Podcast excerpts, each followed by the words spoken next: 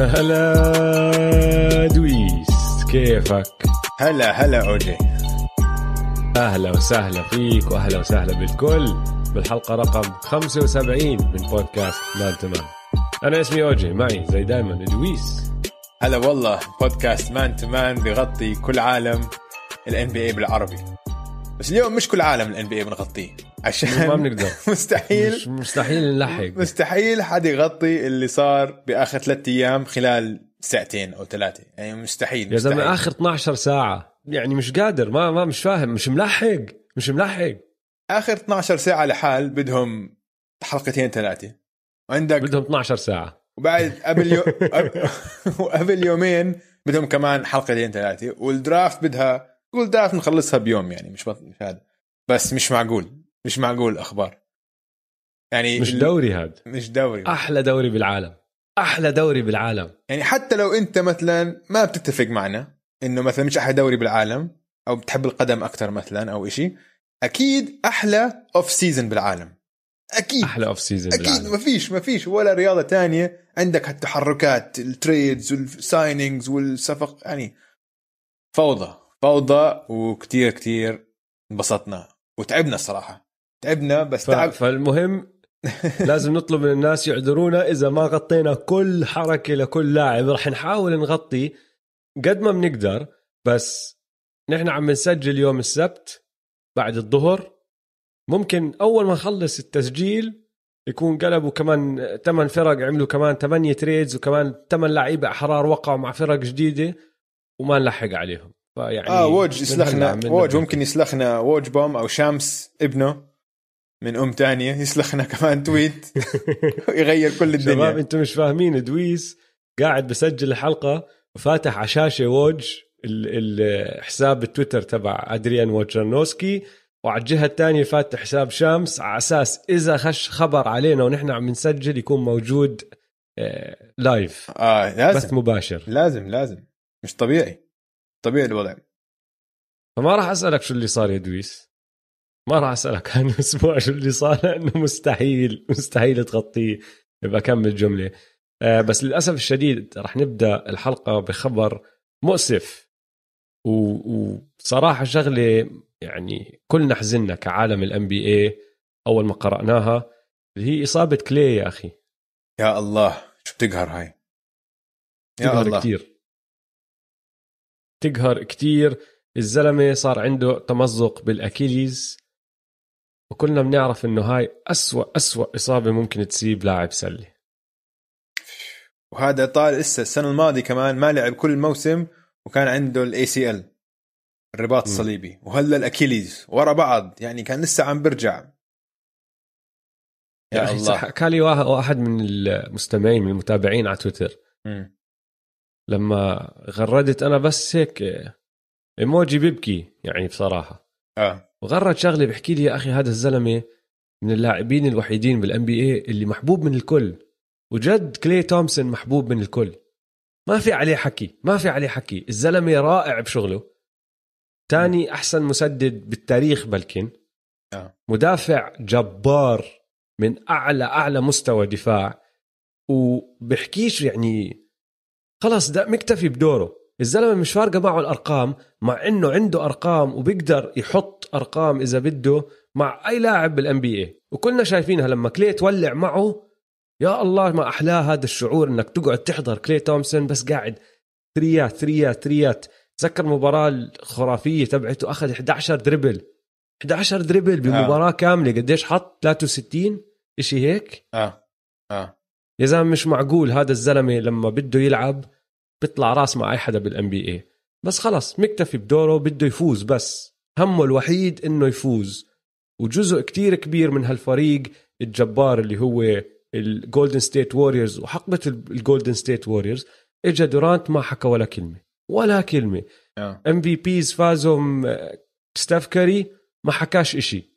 الناس بتحكي عن بعرش مين لاعب كذا لاعب كذا أحسن مدافع wing أحسن مدافع wing بحكيش ولا, ولا كلمة. بهمه. بوصل ولا أوفز بسكر على الكل. بس حرام هيك يصير معه يا زلمة.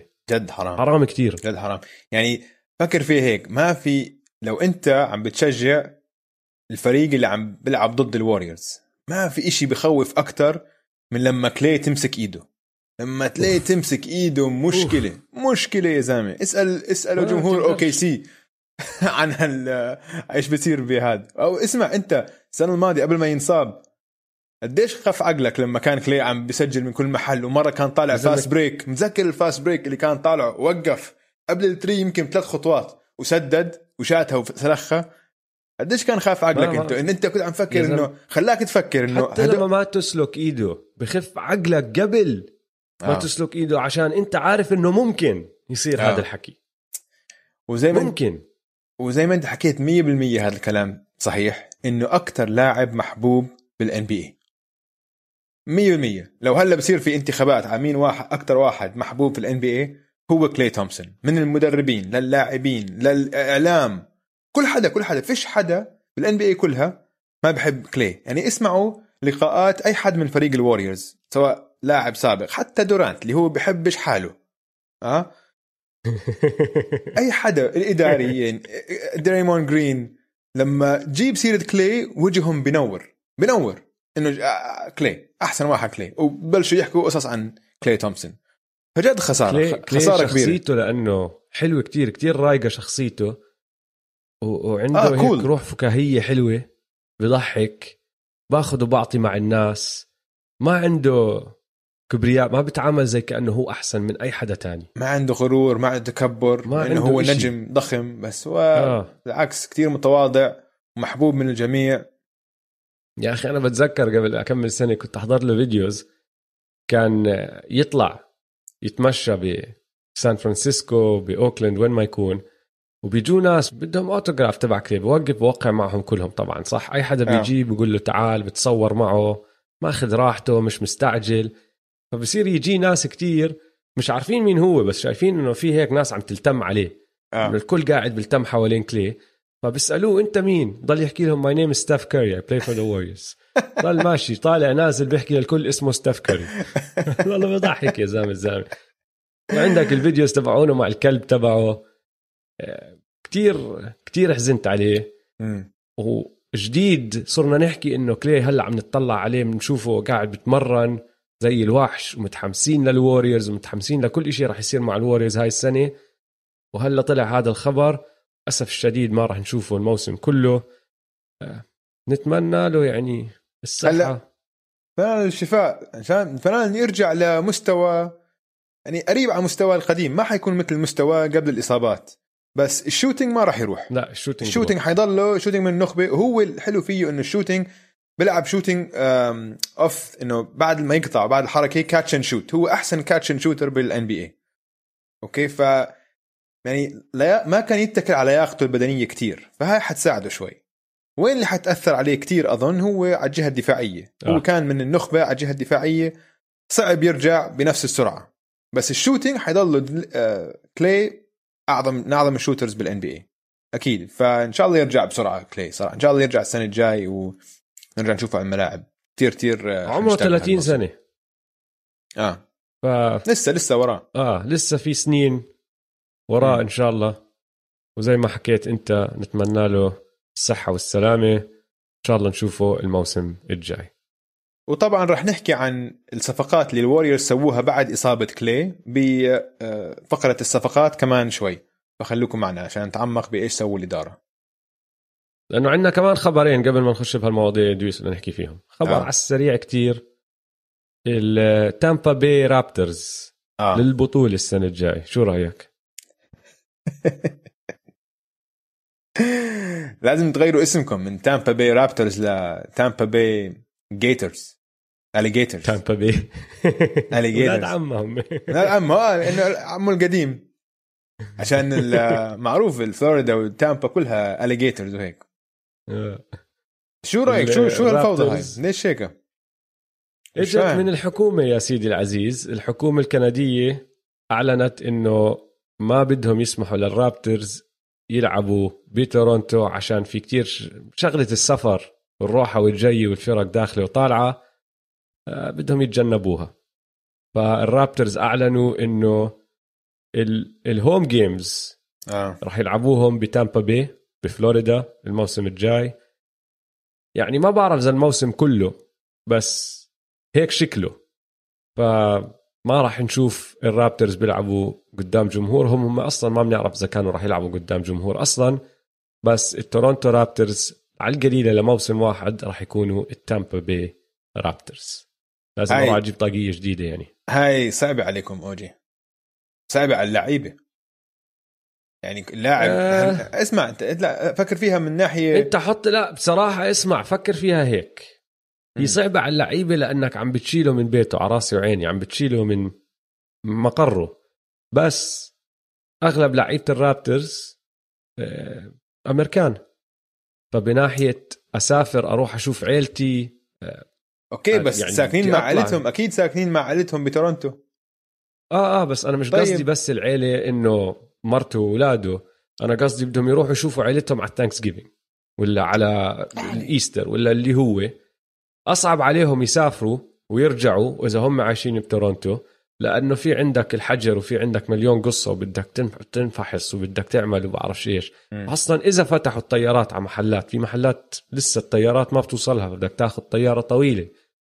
صعبة من ناحية عم بتشيله من بيته للاعب طبعا على راسي وعيني. بس للأمريكان كمان في شغلة سهلة إنه هم راح يضلوا ببلدهم وما عندك قصص السفر رايح جاي. لموسم كامل. ما بتحتاج جواز يعني. فكر فيها هيك. أوكي بس لا أنت عم تفكر من جهة أنت واضح إنك أنت رجل عزابي. أنت فكر باللي عنده أولاد ومدارس ينقل مرته وينقل بيته وينقل أولاده ولا ما ينقلهم راح يعيشوا معاهم ولا مش حيعيشوا معاه يعني ما بتعرف man هاي القصص كثير ولا أنت عم تفكر عن السلة واللعيبة يروحوا يشوفوا يسافروا أنت فكر في وراك عيلة وأولاد وهيك.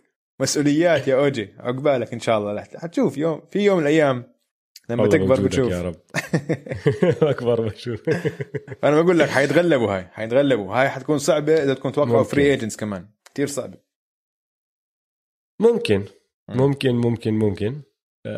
الخبر الثالث يا دويس اللي عندنا اياه ما فيه مفاجآت كتير بس هو عن الموسم الجاي والطريقة اللي راح يلعبوا فيها الموسم. هلأ نحن حكينا إنه راح يبدأ الموسم 22 12 راح يلعبوا 72 مباراة. هاي كانت معروف الشغلة تأكدت بس أعطونا كمان تفاصيل. أول إشي آه، حكوا لنا إياه إنه كل فريق راح يلعب ثلاث مرات ضد كل فريق بالقسم تبعه. ففرق القسم الشرقي بتلعب ثلاث مرات ضد بعض والقسم الغربي ثلاث مرات ضد بعض. مباراة على أرضك مباراة برا أرضك والمباراة الثالثة عشوائية ما بنعرف حسب أنت وحظك وضد الفريق أو. ضد أي فريق. بعدين راح يلعبوا مرتين ضد الفرق اللي بالقسم الثاني. فالقسم الشرقي راح يلعب مباراة واحدة ضد كل فريق بالقسم الغربي على أرضه ومباراة برا أرضه. مم. هلأ حكوا لنا كمان عن الجدول. الجدول راح يعلنوه بجزئين. ليش مقسم؟ سؤال كويس. أنا بقول لك ليش. الجزء الأول تس- يعلنوا عنه عم تس- أول 12 عم تسأل حالك سألت حالك سؤال قلت إنه سؤال كويس؟ آه هو سؤال كويس. أنا بعرف أنا شفت حلو، منظرك. أنت عم. بتطلع عليك وأنت بدون ما تحكي كلمة مبين عليك إيه. عم تسأل ليش؟ ليش يعني جزئين؟ عجبك سؤال حالك يعني. طيب منيح. ماشي آه. آه. آه. حبيت أجاوبك قرأت أفكاري أنت ها؟ الجزء ماشي بالضبط مبين على وجهك مع إنك لابس نظارات بس أنا عارف إنه السؤال موجود حلو حلو الجزء الأول راح يعلنوا عنه بشهر 12 مم. الجزء الثاني بشهر 2 الجزء الثاني لما يعلنوا عنه راح يكون فيه المباريات المتبقية نص الموسم زائد كل المباريات اللي تأجلت لأنهم آه. متوقعين راح يصير في يكورنو أمور تأجيل ومباريات راح تتأجل من وراء شغلة الكورونا. آه في مباريات فقالوا لك حيكرونوا نقسم. بالضبط. فقالوا لك راح نقسم الجدول لنصين. بيناتهم في ال All-Star break. فال All-Star break من خمسة ثلاثة ل 10 ثلاثة ما حلو. في مباراة طبعا بس راح يعطلوا لأسبوع هالخمسة أيام. حلو. وبعد ما يعطلوا بيرجعوا بيلعبوا الجزء الثاني وكل مباراة تأجلت راح يكونوا آه، حطوها بالقسم الثاني أو الجزء الثاني من الجدول. أنا عيد ميلادي بهالفترة خلال الفترة فأنا قلت لهم لو سمحت هذا الأسبوع فضوا لي إياه مش فاضي بدي أريح. فآه فهيهم. جماعة آدم سيلفر صراحة ما بيقصر رجل محترم ما بقصر ما بقصر دائما برد عليك أنت. من أيام ال bubble أيام bubble والله والله.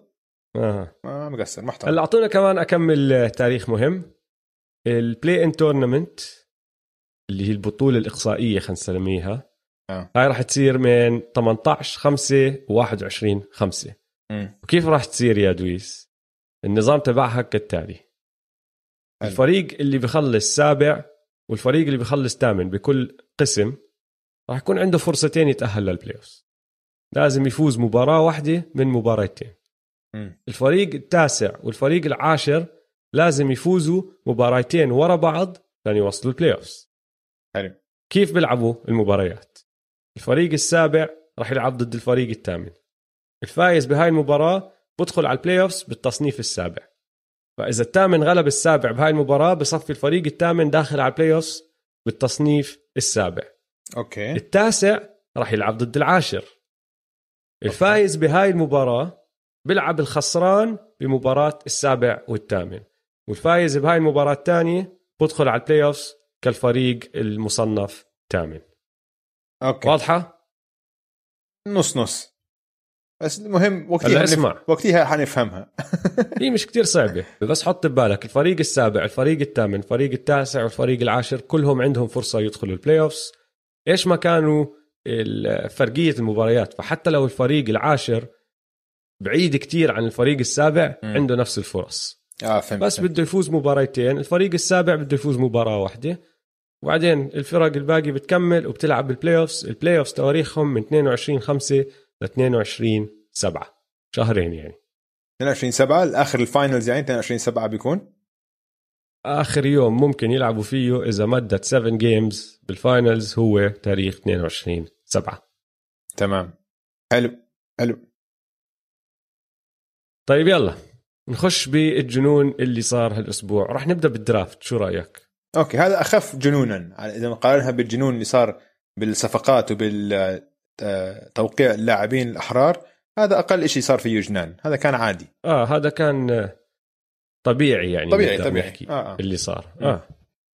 ما راح نخش طبعا بكل فريق ومين أخذه. راح نحكي عن أهم لعيبة وعن اكمل لاعب أو اكمل اختيار آه، لفت انتباهنا.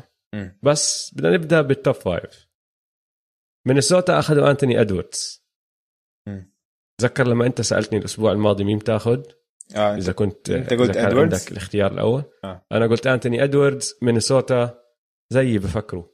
زي يعني نفس ال wavelength اسمع هاي ما أظن مدح فيك يعني إنه مينيسوتا من أسوأ الإدارات في ال في ال NB لو أنا محلك يعني لو أنا محلك لو أنا محلك بت- بتبرى من هذا القرار. أنا بس عم بعطيك فرصة تنسحب.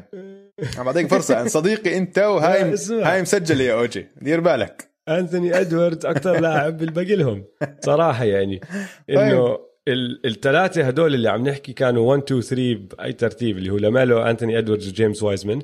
بين هدول الثلاثه أنتوني إدواردز أكثر واحد بيلبق للفريق اللي عندهم إياه واللعيبة اللي عندهم إياهم اللي هم كات ودي أنجلو وكذا الزلمة عنده لياقة بدنية كتير عالية. وبتحطه أنت هيك على الجناح مع big man شويت شويت كتير و guard بيعرف يسجل الطابة وهلا ورح نحكي فيها كمان. إجاهم playmaker ممتاز. آه. بيقدر يوزع لعب كتير بطريقة كتير حلوة. ريكي. أنتوني إدواردز لازم يشتغل على ال- ال- التمركز الدفاعي تبعه وطبعا لازم يحسن التسديد تبعه. بس بصراحة بالنسبة لإلي القرار صحيح 100% وهذا هو كان اللاعب اللي لازم ياخذوه إذا ما بدهم يعملوا صفقة ويتاجروا بالاختيار الأول. طبعا هاي ما صارت.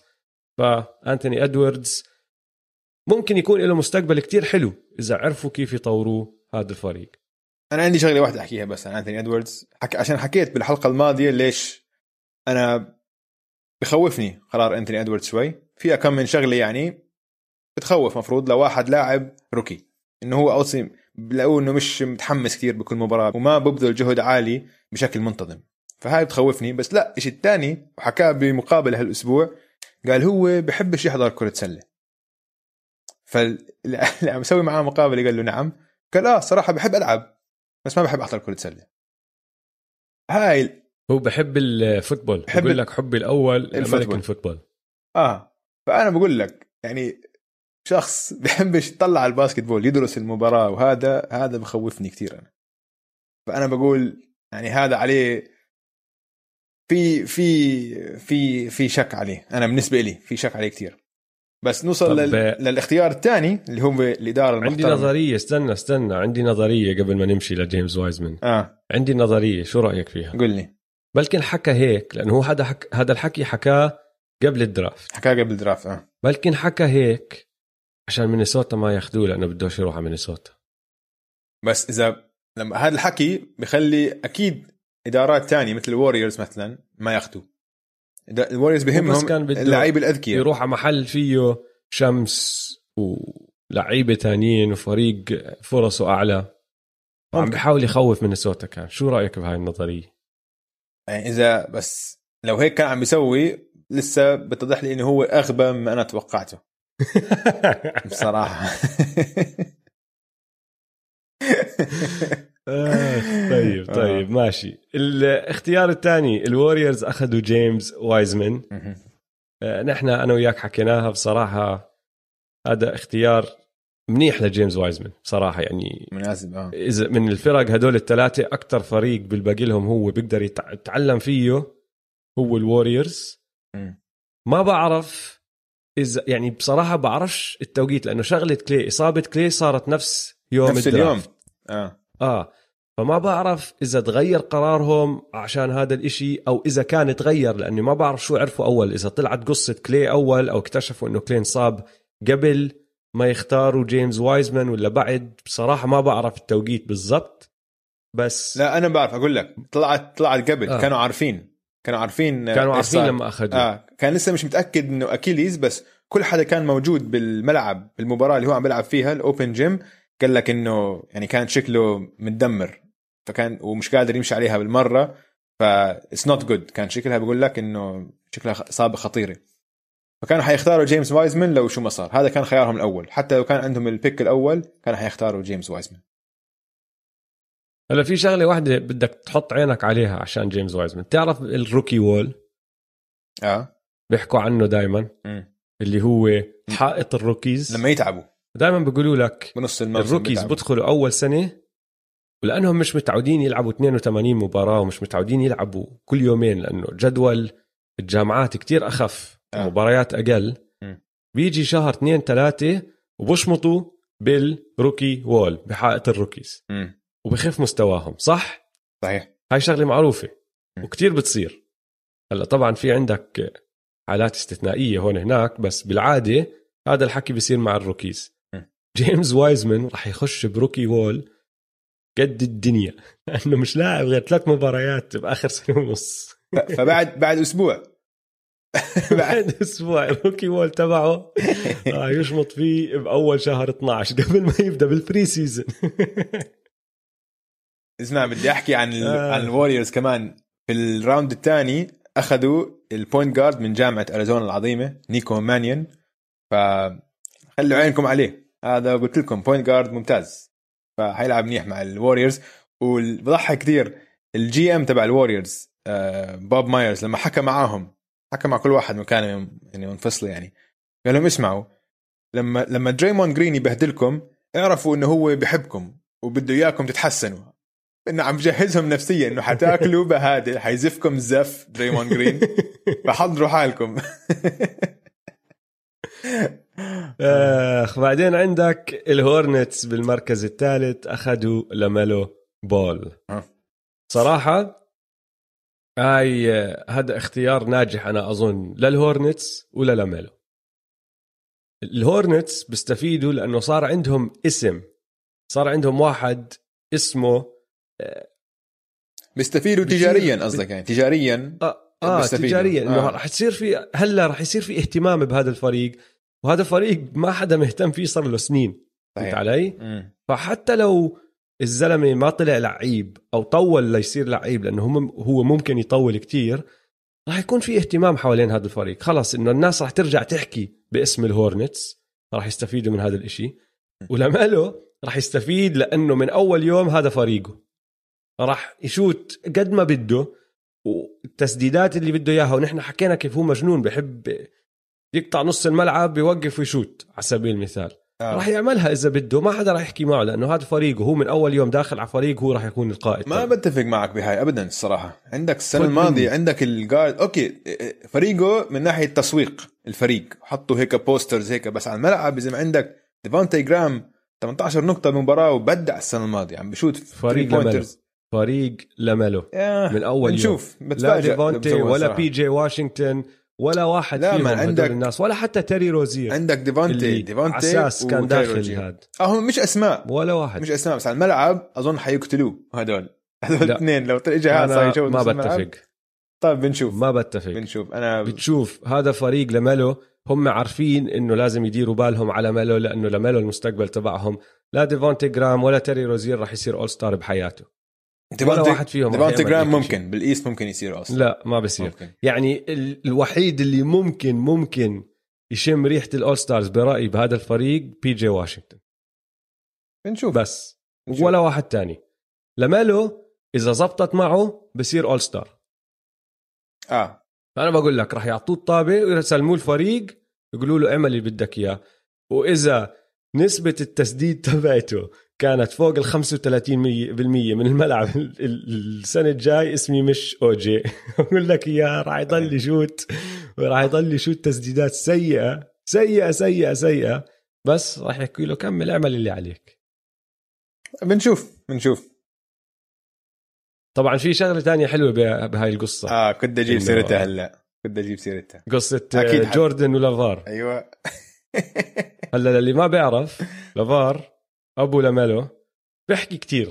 كثير من أول ما بدأ بدأت الناس تحكي عن لونزو أيام الجامعة مكيف الزلمة؟ صار يحكي يحكي يحكي وبيطلع مقابلات. وطبعا الإعلام بكيف عليه لأنه دائما عم بيحكي أشياء مثيرة للاهتمام فبصفي القصص وال- والمقالات.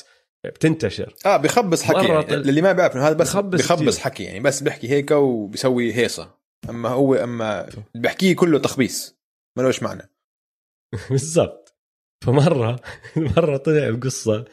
هو كان يلعب بالجامعة لافار. أيام زمان. وما كان لعيب كتير يعني للعلم. بس طلع بقصة بقول لك يا إخوان أنا أيام عزي لو حطيتوني ألعب 1 on 1 ضد مايكل جوردن كان غلبته. طبعا العالم ما ضحك لما صار هذا الحكي لما طلعت هاي القصة آه. فالحلو بالموضوع هلا إنه لافار راح يشوف مايكل جوردن كتير لأنه مايكل جوردن هو مالك الهورنتس ولافار راح يكون موجود بشارلت وراح يكون داير باله على ابنه طبعا وداخل طالع من التمارين من المباريات من الأمور هاي فحلوة هاي القصة ويا رب يا رب يلعبوا game 1 on 1 أوف. عشان جوردن يورجي والله اسمع أنا بقول يا لك جوردن واحد سألني عنها على انستغرام قال لك شو فكرك بصير قلت له والله جوردن ينزل من المكتب ويطبل على راسه وعلى راس أبوه. أول يوم تدريب بس عشان يقهرهم يقول لهم أنا ال boss اقعدوا جلسوا ما حدش يحكي ولا كلمة. هي اسمع تعرف بتذكر زي بال Last Dance جوردن took it. personally هو اختار لميلو بول عشان يجيب أبوه ويلعب ضده 1 1 قدام ابنه. يقول له اسكت. جيبوا لي لميلو عشان لافار آخ. آه حلوة حلوة. طيب رابع البولز أخذوا باتريك ويليامز هاي غريبة كانت شوي. آه شوي مفاجأة لأنه باتريك ويليامز أول ما أعلن إنه بده بيدخل على ال NBA بده يدخل ال draft كان الكل متوقعه اختيار بنهاية الدور الأول. بس ضلوا يطلع. أخذوه رابع رابع. الزلمة لعب سنة واحدة فلوريدا لعبها احت- كاحتياطي. بعدين قرر إنه ما بده يعمل workout pre draft workout مع ولا واحد من الفرق. وهلا هم طبعا مش, مش إنه كانوا يروحوا على ملاعبهم كانوا يعملوا workouts على الزوم. آه. قال لك لا أنا ما بحتاج ولا workout مع ولا فريق. وصفى رابع. مم. ليش؟ لأنه الناس بال NBA إدارات ال NBA بتموت بشيء اسمه potential آه. وبات ويليامز عنده كتير potential فهي مخاطرة كبيرة من شيكاغو. بس إذا زبطت معهم ممكن يكون أحسن لاعب بهذا ال draft كاس العلم ممكن. آيزاك أوكورو. خامس. راح على كليفلاند. أم، اختيار موفق أظن لأنه أكورو بيقدر يدافع. ولما يكونوا أنت ال- ال lead guards تبعونك داريوس جارلاند وكولين سكستن ولا واحد فيهم بيعرف يدافع بتحتاج واحد يلعب معهم بيقدر يدافع. الزلمه ذكي لعبه ذكي. يعني ما بيعمل أشياء برا إمكانيته ما بطلب الطابة ما بطلب الطابة كتير. يعني عادي إنه بحتاجش تكون الطابة بين إيديه وسكستن بده إياها دائما فتزبط معهم. بس مشكلته بيعرفش يشوت. يعني بالجامعة كانت نسبة التسديد تبعته من برا القوس 29% و67 من خط الرميات الحرة لازم يشتغلوا على التسديد تبعه. مع هيك هدول كانوا ال- ال top ال- five. ال Cavs وضعهم صعب لو شو ما لو شو ما اختاروا هون. آه. وضعهم صعب. بدهم بدهم سنين. آه. هلا هدول كانوا ال top five مش راح نكمل بكل اختيار بس راح نحكي بأكمل آه، اختيار مثير للاهتمام. فبدي أقول لك برأيي يا دويس ال big steal إنه الاختيار اللي كان مفروض ياخذوه الفرق أعلى من المركز اللي اللي اختاروه فيه نزل نزل نزل وأخذوا فريق ومبسوطين عليه كتير. مم. أنا بالنسبة لي هذا الاختيار رقم 12 تايريز هاليبرتون آه. لأنه تايريز بيقولوا لك أحسن صانع ألعاب بال draft. م. وأعلى IQ أعلى basketball IQ بال draft وبيقدر يلعب shooting guard وكانت الناس متوقع إنه عادي ياخذوه خامس سادس سابع. آه. بس ما حدا أخده. نزل لرقم 12 الكينجز. أخذوه الكينجز ومكيفين كانوا. مكيفين. إنه أخذوه. آه. فبالنسبة لي big steal هو تايريز هاليبرتون. وبصراحة أظن النكس انبسطوا كمان إنه أخذوا آه، أوبي توبن بالاختيار الثامن. لأنه يعني هم فريق ما راح يفوز ما راح ينافس دفاعهم زباله هو مشكلته الكبيرة إنه بيعرفش يدافع بس كسكورر وكلاعب هجومي وكدنكر. كتير كتير ببسط الناس وكتير متعة. إنه من النوع اللي بتحضر له وبتنبسط وأنت بتحضر له فراح ينبسطوا ال- الجمهور النكس على هذا الإشي على القليل. طبعا فريقهم ما راح يفوز بس هو كلاعب راح يبسطهم ويعني راح يصير يصفي فيه أسباب الواحد يحضر النكس لأنه بيحكوا لك بذكرنا بأماري زماناته عزه آه آه. شوف النكس حيطينوها بطريقة ما لسه أنا مش عارف كيف بالضبط بس حيطينوا هاي ال pick. أو حي... أمور ما بعرف النكس ما بتمشيش على خير. حيصير في إشي بهذا الشاب أو بالهاي ال draft أو بهاي ال... بهذا الفريق هذا الموسم. كالعادة يعني كالعادة النكس كالعادة. دائما فوضى. ال biggest reach اللاعب اللي أخذوه ببطاقة عالية كان مفروض ما ياخذوا فيها كان مفروض يروح بمركز أوطى كتير. جيلين سميث اختيار العاشر من الفينيكس سانز. مش راح أحكي كتير عنه بس راح أحكي شغلة واحدة. اقرأ أي مقال أو احكي مع أي حدا بفهم بال draft كلهم متوقعين إنه يكون لاعب بيختاروه بالدور الثاني. آه. يعني بنهاية الأول إذا هيك إنه زبطت معه كتير. مم. كلهم بتوقعوا إنه يكون back up ممتاز. back up ممتاز بال NBA آه. أخذوه عاشر. ليش؟ ليش؟ ما حدا فاهم؟ يعني كان أخذوا تايريز يا أخي هاليبرتون. اللي هلأ حكينا راح رقم 12 اختيار 12 للكينجز. إذا أخذوا تايريز هاليبرتون كان صفى عم بتعلم من CP3 وصغير أول ما CP3 يطلع بيكون هو بيستلم الفريق بيكون هو ال point guard اللي عم بيلعب مع ديفن بوكر لأنه أعمارهم متقاربة كلهم صغار. مم. فأنا مش فاهم هذا الاختيار ليش أخذوا فيه جيلين سميث؟ اللي بيلعب مركز ما راح مش راح يقدر يلعب فيه هو he's big عندك دي اندري ايتن أنت. ليش؟ آه سؤال وجيه. بكون شافوا إشي نحن ما شفناه أو تبعون الخبراء ال draft ما شافوه. عشان إدارة السانز شافوا إشي ولا فريق بالان بي اي شافه هم الوحيدين اللي شافوه. بالضبط آه. هلا شوف هي السانز هاي الشغلة السانز دائما ما اخذ ادارتهم آه. إدارتهم آخر كم من سنة سيئة جدا بس آخر سنتين عم زبطوا أمورهم فأبصر شو شافوا فيه. شافوا فيه إشي.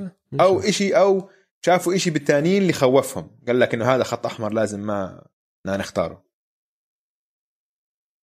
بنشوف أو تيوس هلا في عندك اكمل لاعب أو أو تيسوا تيسوا آه. 100% تيسوا مم. في عندك اكمل لاعب هدول مرات وهاي بتصير كتير بالدرافت بكون لاعب ما حدا متوقع يكون نجم كبير بس بدخل على فريق معمول لإله ولمهاراته وهدول اللعيبة بصيروا يستفيدوا منهم الفرق من أول سنة. انه بيساهموا للفوز من أولها. في عندي أنا اثنين شفتهم. واحد فيهم رح ننبسط عليه كتير. الثاني الثاني يا أخي رح تشوف إنه هذا رح يكون rookie هاي السنة رح يساعد الفريق كتير. ديفن فيسل راح على سبيرز بالاختيار رقم 11 أكيد. ديفن فيسل لاعب بحكوا لك ممكن ك potential أحسن 3 and D مدافع بشو three ات. وقعوه أو اختاروه. سبيرز والسبيرز معروفين من أحسن الفرق اللي بتطور المواهب الصغيرة. عنده اكمل guard راح يلعب معه بيحتاج الطابة هو ما بيحتاج الطابة بس بيحتاج يدافع يتعلم نظام بوبوفيتش وعلى الجهة الثانية لما يستلم الطابة ويكون برا القوس يحط three تبعته. فراح يلعب كتير حلو معهم. ما عم بحكي لك راح يفوز rookie of the year أو إشي بس راح يساهم لهذا الفريق أكثر من المساهمات اللي بيساهموها ال rookies اللي باخذوهم بالمراكز هاي 11 12 13 نهاية ال lottery يعني. okay. فحطوا عينكم على ديفن فيسل والثاني كايرا لويس. انسى شو راح يصير في هذا اللاعب بس عمرك شفت له highlights هذا اللي بيطير مثل مثل ويستبروك بيطير آه. بيطير بيطير. أسرع لاعب بال draft. آه. وبيعرف يشوت. فأنت تخيله مع لونزو ومع زايون. أوبا. انسى شو راح يعمل كلاعب انسى ال potential والسقف تبعه بس تخيله عم بيلعب بنظام سريع فيه playmaker زي لونزو بيعرف يوصل له الطابة وواحد تاني عم بركض معه وب dunk و alley-oops اللعب تبعهم لل- للبيليكانز راح يكون مسلي كتير ال highlights وهو لا بقلهم كتير. ال highlights نار حتكون. نار. آه بالضبط. اسمع أنا عندي اثنين. اثنين خلي عينك عليهم. والأول واحد رح أحكي عنه هذا يعني جد طنجرة ولقد غطاها. okay؟ رح أحكي لك مواصفاته آه. وأنت قول لي مع أي فريق هذا حيروح. ماشي؟ بقول لك. آه. elite physical profile بيحكوا لك إنه يعني جسمه آه، كسم وعضلات و body fat تقريبا زيرو مدافع ممتاز أخلاقيات العمل تاعته عالية كتير بتمرن كتير بقوة بقدر يدافع على خمس مراكز بيلعب grab go على ال offense و dribble hand offs مين فريق بكيف على هدول الصفات. أكثر فريق بال NB بكيف على هدول الصفات. وكل ثقافته عن هدول الصفات بالضبط. مين؟ الهيت ال- لأنك حكيت ثقافتهم. أنا اعطيتك أعطيتك تلميحة. الميامي هيت. آه. الميامي هيت بالاختيار العشرين اخذوا واحد اسمه بريشس اتشيواوا أو اتشيوا ما اعرف كيف ألفظ اسمه الثاني. بس هذا اللي هو اللي كان بدهم اسمه اياه بريشس آه بريشس أول واحد. بريشس يعني ثمين. أيوه. هذا هو. اللي كان يعني هم عارفين إنه ما, يعني كانوا حاطين ببالهم الهيت إنه حيجيهم أني أي واحد من أول خمسة. بس هذا كان كل حد متوقع يروح بين الاختيار الثامن والاختيار 12 فلما بلش ينزل فتحت عينين ال Miami Heat قال لك اسمع هذا يمكن يجينا Precious عشان هذا أكثر واحد بتماشى مع ثقافة ال Miami Heat. فهاي ممكن تكون واحدة من أحسن ال... الاختيارات في ال draft. ولا ننسى ال Miami Heat عندهم تاريخ بهاي الشغلة. دائما بيجيهم اختيارات بال... بين العشرة والعشرين وحتى undrafted وبيعمل منهم نجوم. يعني السنة الماضية تايلر هيرو كان رقم 13 قبل ثلاث سنين بام كان اختيار 14 وعندك ناس مثل كندريك نان ودانكن روبنسون ويودانس هازلم اللي ما حتى اختاروهم بال draft ما حد اختارهم. فإذا ال Miami Heat حبوا هذا الشاب معناته خلي عينكم عليه. تذكروه اسمه Precious هذا حيكون أنا متأكد حينزل ويلعب من أول موسم مع ال Miami Heat. حلو. حلو. غير عن هيك بال second round أول اختيار بال round الثاني لل Dallas Mavericks. هذا كان كل حد متوقع إنه يروح حوالي الاختيار 20 بس لسبب ما نزل بال draft وإجا لل Dallas Mavericks. هذا كان يلعب بستانفورد اسمه تايرل تيري. وبيحكوا لك إنه هذا shooter ممتاز ممتاز وحيجيب آه شويت. شويت شويت وحيجيبوه إنه حياخذ محل سيث كاري. زي سيث كاري بس على رخيص بيدفعوا له آه، راتب rookie. فخلوا عينكم على تايرل تيري سيث كاري كتير غالي كان يعني. لا بس, يعني بس. مش زي ال rookie يعني. لا لا سيث كاري السنة الماضية. وقع مع آه، مع ال Mavericks. أظن كان بندفع له 7 مليون الموسم. ثمانية أظن. آه شيء 8 آه بس ال rookie شو؟ 2 مليون يعني. فهمت علي؟ حتى خاصه rookie هذا بعدين لسه- second round لسه rookie آه. آه. بس second round أقل من هيك بيكون. فهاي خلوا عينكم عليه وخاصة لما يلعب مع لوكا واحد حيعطيه ال pass بالضبط وحيلم كل الدفاع عليه وحيجي كتير open shots يعني. فهذا حيكون اختيار موفق ل Dallas Mavericks. حلو. طيب تايم اوت سريع. وبس نرجع من التايم اوت نحكي عن الجنون اللي صار. أيوه. التريدات الصفقات واللعيب الأحرار. تمام. هيا أسوي ريفرش لوج وشامس قبل ما نبدأ ال- الفقرة الثانية. يلا. يلا.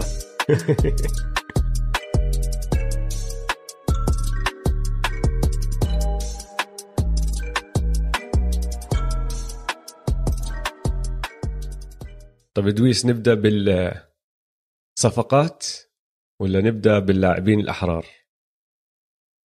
لا بالصفقات بالصفقات. صراحة اسمع. نبدأ اسمع بالتسلسل اللي مشت فيه ال- الأمور؟ الأحداث. طيب بس لا لا قبل ما نبدأ بالصفقات خلينا نبدأ بالصفقة اللي ما صارت. لحد هلا لحد هلا. ما صارت. آه. جيمس هاردن. الأسبوع الماضي أوه. حكينا ال Rockets فوضى وتخوتنا عليهم شوي بس كان الموضوع كله بخص راسل ويستبروك. وبعدها بيومين ثلاثة طلعت قصة جيمس هاردن وقلبت الدنيا ميمعه لأنه جيمس هاردن قرر هو كمان يطالب ب trade. شو عم بيصير مع هالفريق يا دويس؟ ورفض اسمع رفض التمديد عقده اللي كان يسوى 103 مليون لمدة موسمين. تخيل. كان بيكون أول كان بيكون أول لاعب NBA بتقاضى 50 مليون. راتب فوق ال 50 مليون. يعني واو. واو. فبقول لك إنه ج... إنه هذا بأكد لك إنه بدوش يضل بهيوستن. ولاكثر من أكيد. سبب آه.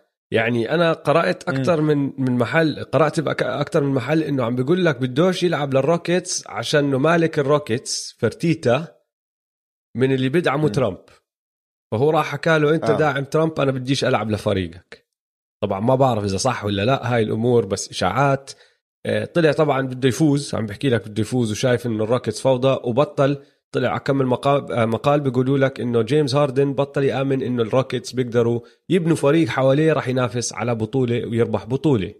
بعدين راح طالب ب trade لفريق واحد بس مبروك لبروكلين لأنه بده يلعب مع دورانت وكايري ميمعة ميمعة ميمعة اللي عم بيصير. يعني خلينا نتذكر بس نحكي تسلسل الأحداث. قبل ثلاث سنين ال Rockets بعتوا كل بطاقاتهم ال first round ل ال Clippers عشان يجيبوا كريس بول صح؟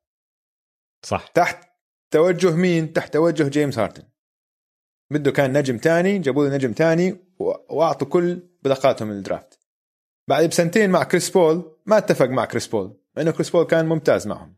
وكانوا دقوا ببعض. دقوا ببعض وهو بدوش يلعب معه راح غصب الإدارة ودارل موري بدل مع أقل لاعب بلبق نظام دارل موري اللي هو ويستبروك ويبعتوا كمان بطاقات. فصفى هلا ال- ال- ال Rockets مفلسين ما عندهم مش بطاقات draft بالمرة من هون لأبصر كم سنة.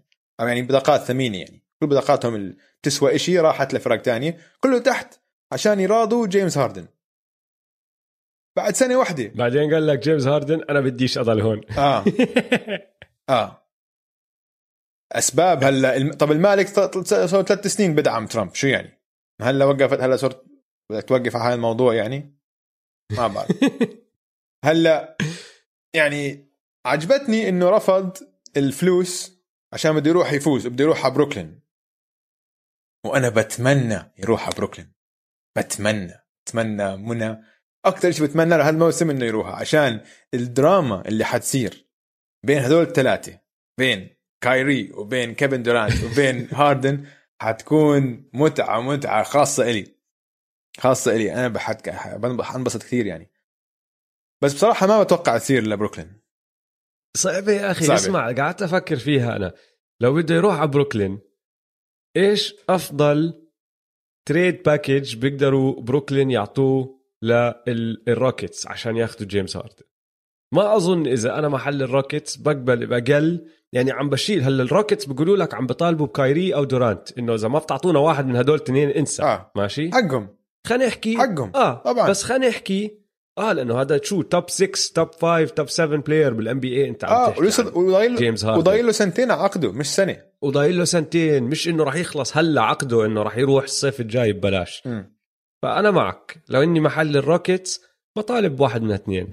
بس خلينا نحكي لقيت طريقة أنت تقنع الروكيتس إنه يقبلوا ب trade ما فيه لا هاد ولا هداك. بدك تصفي معطيهم على القليلة.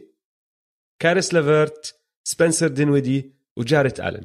مستحيل أقبل ب trade ما فيه لا كايري ولا دورانت أو مش هدول الثلاثه على القليلة مع أشياء تانية. يعني زائد. زائد كل بطاقاتهم ال first round من هون ل خمس ست خمس ست سنين. 2070 2007 آه. آه. هيك شيء. minimum فانت minimum وهاي تخيل. ما بتسوى. ما لا بتسوى. ما أنت هاي عم بتخرب فريقك عم بتجيب واحد وهذا سؤال كتير كبير لو صارت.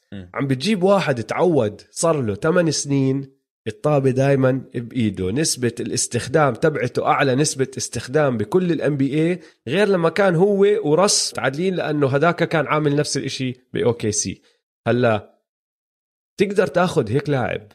تعود يلعب بنظام معين وترجعه لنظام زي ما كان أيام OKC إنه يلعب مع تنين كمان بيحتاجوا الطابة وخصوصا كايري لأنه دورانت شفنا شو بيقدر يعمل دورانت راح على جولدن ستيت قال لك okay كاري امسك الطابة اعمل اللي بدك إياه. كلي هاي تسديداتك. يعني شفنا إنه دورانت بيقدر يتعود على هذا النظام. بس كايري لا. كايري بيحتاج الطابة. وبعدين بدك تحط هاردن معاه. والثلاثة بيحبوا يسجلوا. آه. الثلاثة scorers فما بعرف إذا بتزبط ما بعرف إذا أصلا مستاهلة للبروكلين نتس يعملوها. وغير عن هيك جيمس هاردن صار له سبع سنين ما عم بيلعب كرة سلة. عم بيلعب 1 on 1 اللي كان يلعبوه الروكيتس كان نظام كله متمركز حوالين إنه أعطي جيمس مساحة وخليه يلعب 1 1 وإذا حد اجى help عشان جيمس هاردن لاعب 1 1 خرافي من من الأفضل في التاريخ ما عليه حكي. النظام كله كان عليه. خلي الطابة مع جيمس dribble dribble اذا بيطلع عن man ك إذا اجى help دفاع بتعطي kick out هو passer ممتاز. هذا النظام ما حينفع. هلأ عندك كم من سؤال هون.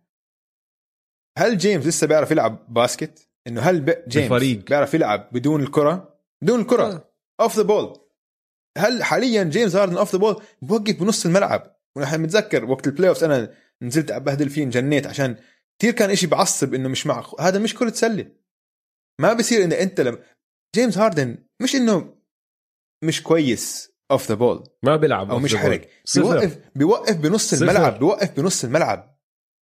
إشي غريب كتير. هلا أنا باعتقادي إنه أكيد بيقدر يتأقلم بيقدر يلعب عشان جيمس لاعب ذكي وحيقدر يتأقلم كثير ولما كان ب OKC زي ما متذكر نحن حضرنا مباريات هلا عشان عملنا حلقة step back الأسبوع الماضي. حضرت مباراتهم ضد ال ضد المافريكس لما كنا عم نحضر إنه كان السلسلة هذيك ب 2011 جيمس كان يلعب off the ball كان يلعب كان لاعب آه. طبيعي. تشوفه مرات عم بيقطع baseline تشوفه يعني كان لاعب طبيعي. كان هو لعيب كتير كان 6 man of the year Six Man of the Year، ف- وكان يلعب بطريقة متنوعة أكثر بكثير من هلأ. هلأ بس اتجاه واحد. فأنا واسمع متاكد ترى مش مم. بدي بس أزيدك على هاي النقطة. طريقة متنوعة كتير مش بس إنه off the ball طريقة التسجيل تبعته كانت متنوعة عنده أكثر عنده mid جيمس range هاردن كان يعرف يلعب mid range طبعا. كتير. طبعا. كان لعيب mid range آه. هلأ ما بيعمل إشي غير بشوت ثريات أو بيخترق عند ال rim. بطل في خوف إنه راح يعمل إشي بال mid range لأنه هو أصلا مخه ما بيقبل له يشوت شوتة من ال mid range حتى ال three صرت تفهم له. حتى الثريات صار يشوتها بس من قدام ال ring بطل على الزوايا ولا ال baseline يعني إنه نسبة عالية من تسديداته بس من الوسط. يعني هذول اسئله لازم يسألوها. وهذا هذا من جانب كرة السلة. خلينا نقول هو حل مشكلة كرة السلة. وبدأ يلعب off the ball وبدأ يرجع يتنوع بلعبه وهيك. عندك الإيجو. الإيجو تبعون هدول ثلاثة كتير كبير. هل حيقبل جيمس هاردن إنه بدل ما يسجل 34 نقطة زي ما صار له آه، ثلاث أربع سنين ثلاث سنين أربع ثلاث سنين. سنين متصدر ال NBA بال scoring هل هو بي- بيتقبل ينزل ل 25 نقطة؟ ل 20 نقطة؟ إذا هاي إذا هيك بتطلب الأمر ال... إذا هيك بتطلب الفريق منه إنه والله لازم تن... إنه خلاص لك بس 15 شوطة بالمباراة. عشان عندك دورانت وعندك كايري. فهاي هاي سؤال لازم يجاوبوه. والسؤال لسه كمان سؤال سؤال ثالث انت عندك شخصيات يعني كتير انفعالية ولا واحد فيهم عنده تاريخ بالسعادة. بالسعادة. بالسعادة باي باي بأي آه، فريق كانوا فيه. يعني جد خلينا نحكي عن الموضوع هلا بدون تخويت. كايري كان مع لبران جيمس. دائما زعلان. وفاز بطولة وكان هو ثاني أفضل لاعب على الفريق وبيقدر يسوي اللي بده إياه. يعني كل حد بيعرف لبران playmaker ممتاز وبسوي اللي بدك إياه مع لبران لبران عمره ما حكى إشي عنه. وفاز ببطوله وكذا كان زعلان حرد طلعوه. راح على السلتكس كلنا بنعرف القصص مع السلتكس. خ... آه، انتهت يعني ب ب بزعل إنه إنه السلتكس بدهم خلص يخلصوا منه بأي طريقة كانوا. ف خلينا نروح طلع كيفن دورانت مع OKC كان مبسوط وهيك بعدين راح على ووريرز اللي الووريرز يعني عم تلعب أنت مع نجوم أقل نجوم أنانية بتلاقيهم بتاريخ ال NBA بتاريخ ال NBA يعني واحد ألفا مثل ستيف كاري يتقبل إنه يجي واحد زي كيفن دورانت يكون عنده الوعي الذاتي إنه يسلموا الفريق يقول له أنت صراحة أنا okay فزت بطولة وفزت back to back MVPs بس أنت بتساعدنا على الفوز. وانت عندك إمكانيات أفضل مني. تفضل هي الفريق. مع هيك ما عجبه الوضع وطلع. ترك آه، ترك. يعني فما بعرف هدول اللاعبين عندهم تاريخ من هاي الشغلة. وجيمس هاردن كمان عنده تاريخ من هاي الشغلة. آه. جابوا له دوايت ما حب دوايت كحش كل ما. حدش بحب كل ما CP3. حد كل ما حدش بحب دوايت ما حدا. بحب دوايت آه. على راسي وعيني بس يعني بدت مع أيام دوايت بعد دوايت اجى سي بي 3 بعد سي بي 3 هلأ عم نشوفها مع راس.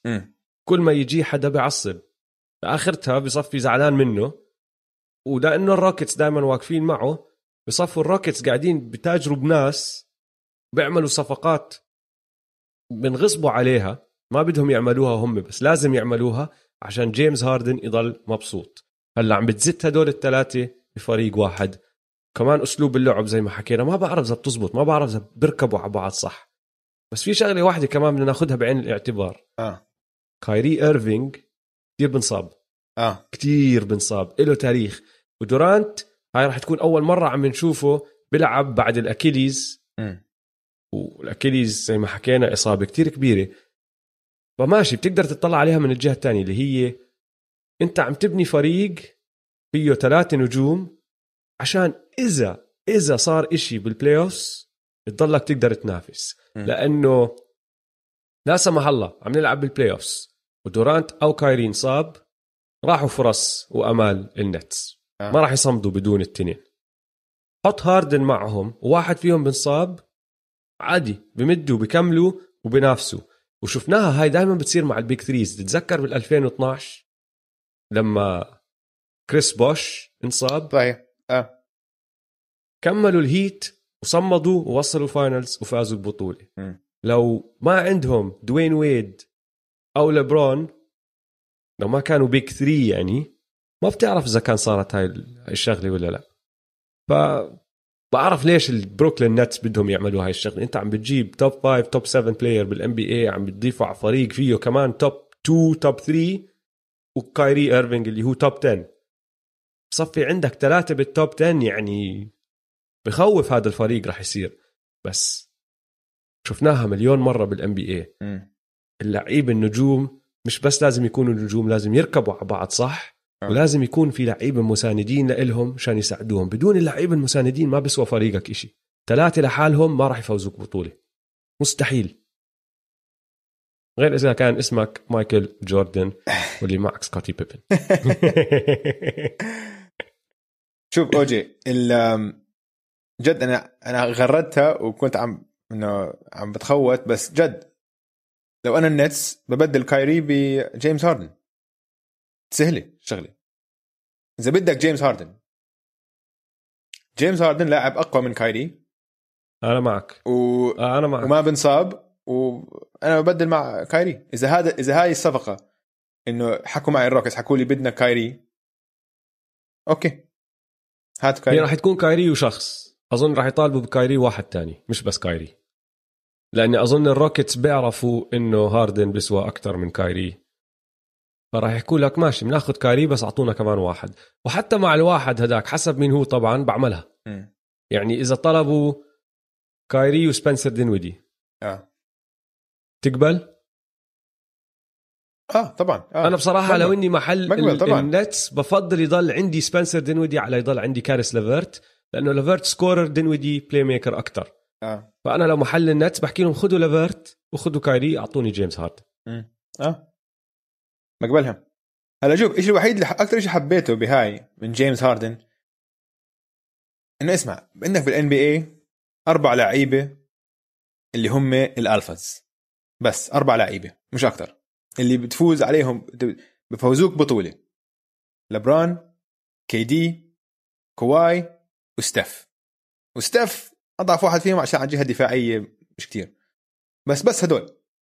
الباقي آه لازم يكون معهم واحد من دول الأربعة ليفوزوا بطولة. طلع على كل البطولات من وقت 2010 ما عدا بطولة ديرك اللي حكينا عنها بحلقة step back الأسبوع الماضي.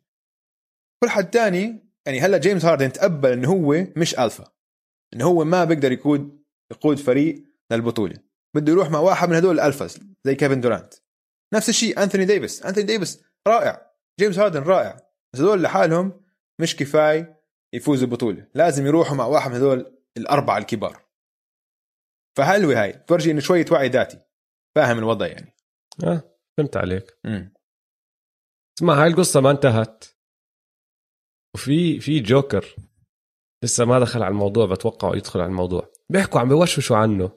آه. بس مدير آه، مدير الروكيتس مدير مدير العام. للروكيتس السابق دارل موري دارل موري إذا قرر جد إنه بده يجيب جيمس هاردن على فيلي زي ما بيقولوا عنده اثنين بكل سهولة بيقدر يعرض واحد فيهم على الروكيتس واحد فيهم أظن هو بن سيمنز. إذا أنت عرضت بن سيمنز على الروكيت كتير صعب الروكيتس يحكوا لا. كتير صعب يحكوا لا. الروكيتس بيقبلوا بس أنا من ناحيتي لو أنا دارل موري ما ببدل لا ما ببدل أي واحد فيهم ل... لجيمس هاردن. عشان العمر. جيمس عشان العمر عشان آه، العمر فاهمك. ما ببدل. بعطيهم سنة. بدي أشوف بن سيمنز وامبيد هلأ عشان عم رح نحكي هلأ بالصفقات جابوا shooters حواليهم. بدي أشوف هاي بدي أشوف هذا الفريق. بس حط ببالك شغلة اسمع. مم. جيمس هاردن طريقة لعبه أسلوب لعبه مش من اللي أول ما يطلع من عزه راح ينزل مستواه مرة واحدة لا. راح يطول لا. بهذا العز. مم. لأنه ما بيتكل على سرعته. صح. بيتكل على جسمه بيتكل على حركته بيتكل على مهارة التسديد تبعته على على ال handles. فأنت عم تحكي إنه جيمس هاردن هلأ قد إيه عمره؟ 31 32 سنة. 31 لسه في آه في عنده أربع خمس سنين بمستوى كتير عالي يلعب فيهم طالما الإصابات آه. بعيدة عنه بعيد الشر ما صابته. ما بعرف أنا بن سيمنز شغلة بن سيمنز هاي مع التسديد ونقطة الضعف هاي كتير كبيرة. جيمس هاردن ما مسويها. بع- بعملها. أظن أنا بعملها. أنا ما بعملها. حتى لو واحد واحد. أنا أظن بعملها. لو أنا هلا لو طب أنا أسألك سؤال. اسالني سؤال. نرجع للنتس آه. الثاني. okay. ماشي؟ لو أنت هلا المدير العام للنتس وأنا قلت لك عندك فرصة إنك تجيب جيمس هاردن أو تجيب برادلي بيل. برادلي بيل طبعا. مين بتجيب؟ برادلي بيل. برادلي بيل. آه. صح ولا لا؟ صح. طب ليش ما عم بركزوا على برادلي بيل؟ هذا اللي مش فاهمه ما اسمع اليوم حيركزوا على برادلي برادلي بيل, بيل. عشان براد... اسمع. برادلي بيل برا- يا أخي برادلي بيل كل اللي نحن عم نحكيه مشكلة جيمس هاردن اللي هي كيف بركب مع هذا الفريق ما ما بت ما بتلاقيها مع برادلي بيل برادلي بيل مدافع لما بده يكون مدافع ترى لأنه آه. آه. هو إذا قرر ما يدافع زي السنة الماضية بصير أسوأ مدافع بال NBA السنة الماضية كان ثاني أسوأ مدافع بال NBA آه حسب الأرقام الإحصائيات م. بس لما يشد حاله على الدفاع بيقدر يدافع م. بيطلع راس مع أي حدا وعلى الهجوم ما بيطالب بالطابة وما بيحتاج نسبة استخدام عالية زي هدلاك.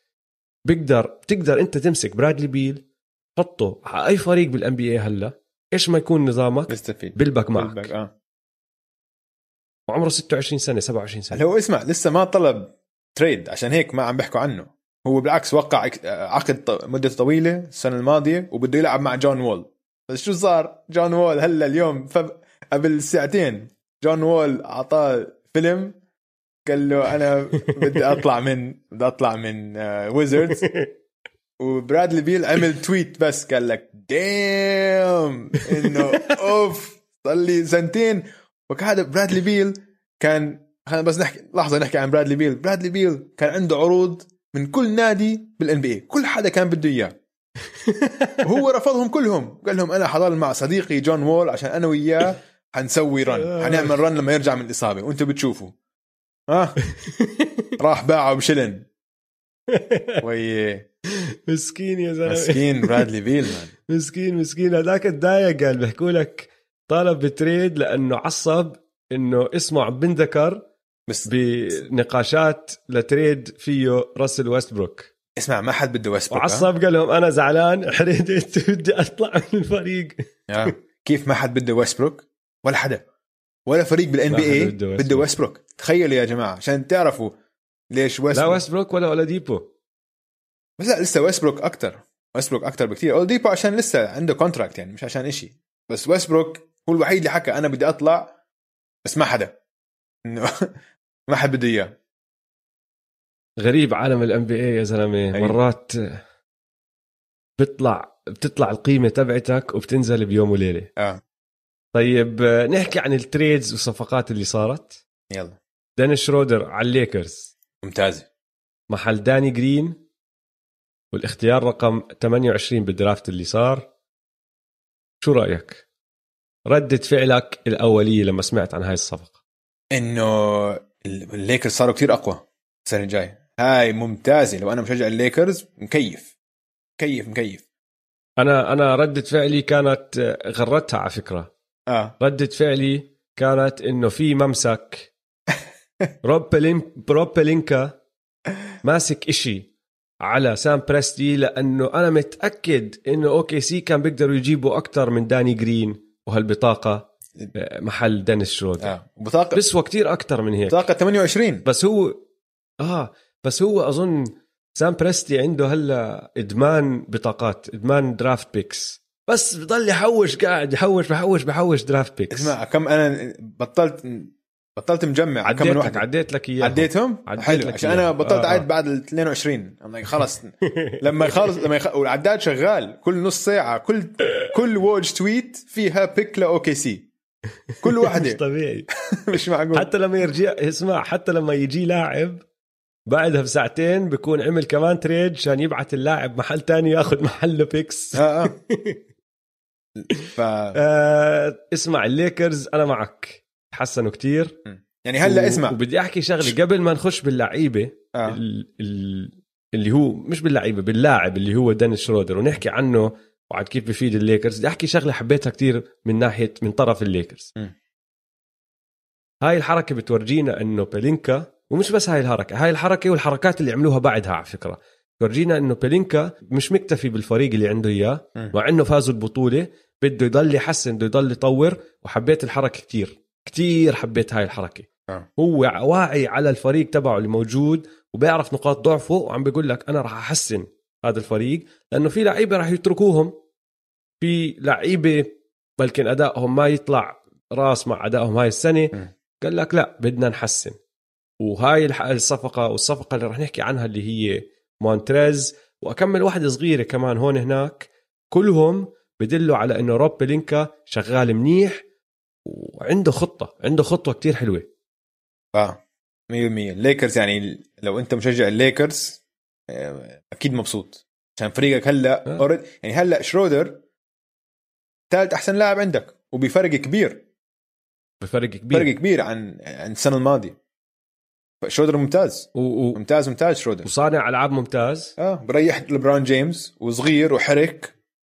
ممتاز. بعزه. عزه آه.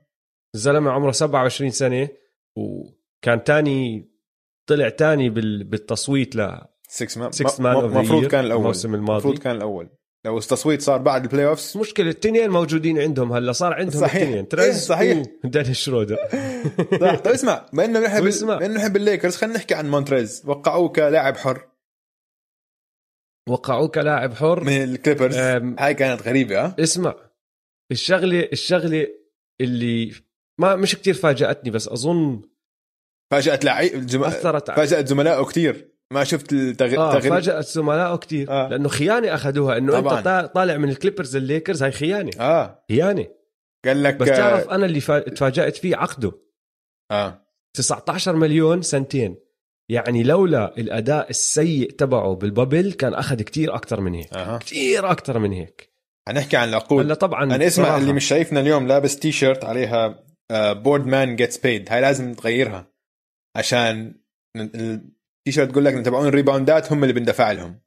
بس لا هالأيام تبع ال shooters هو اللي بندفع لهم. عشان نشوف الفرق ال shooter شوف الفرق بين عقد مونتريز وعقد دافيس بيرتانز ولا عقد جو هاريس. جو هاريس. أوف هلا بنجيهم هلا بنجيهم. بس اسمع شفت التغريدة من باتريك بيفرلي؟ عمل retweet آه، لخبر مونتريز عم بيوقع مع الليكرز قال لك what the قال لك شو؟ خيانة. إيش أخذوها خيانة. حق طبعا حق حق. اسمع فالليكرز وقعوا آه، شرودر. شرودر أول ما توقع الكل صار يحكي إنه هو مش مسدد ثلاثيات ونحن بنحتاج مسدد ثلاثيات. الزلمة مش عاطل. يعني السنة الماضية كان مثل آه، جرين نسبة التسديد من برا القوس 38.5% ممتاز. وحط 125 3 أكثر من أي لاعب على الليكرز ما عدا لبرون ونسبة التسديد هاي 38.5% بتساوي نسبة تسديد كنتيفيوس كولدويل بوب اللي هو كان المتصدر على فريق الليكرز. فيعني ماشي هو مش knock down shooter ما عم تحكي عن واحد معروف إنه هو shooter بس بضله كتير كتير مرتب بالتسديد من برا وأحسن من أي حدا تاني موجود على الليكرز. وبعدين كمان وقعوا ويس ماثيوز. آه.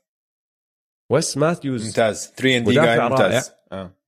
مدافع رائع. وبشوت ثريات الثلاثيات. فتحسنوا كتير الليكرز حتى مع إنه دوايت راح فيلي و... عملوا لي قصة ما بعرف ليش زعلانين أنتم كمشجعين الليكرز إنه دوايت راح. شو يعني؟ شو اشكر, معكم؟ اشكر ربكم man شو دوايت؟ مسخرة هذا اللاعب. مسخره مسخرة. اليوم نحن عم نجهز الحلقة هاي عم نحط كل الصفقات وهيك. طبعا في أشياء مش حنقدر نحطها عشان already الحلقة هاي حتكون طولها يمكن أربع ساعات. بس إنه دوايت هاورد بالنسبة لي مش خبر. ما بتفرق معي ابدا. لو بال NBA ولا مش برا ال NBA هذا لاعب صفر على الشمال. بتدخله على المباراة بيكسب بياخذ أربع خمس فاولات يمكن يسجل لك ست نقاط two blocks وبس. هذا هو.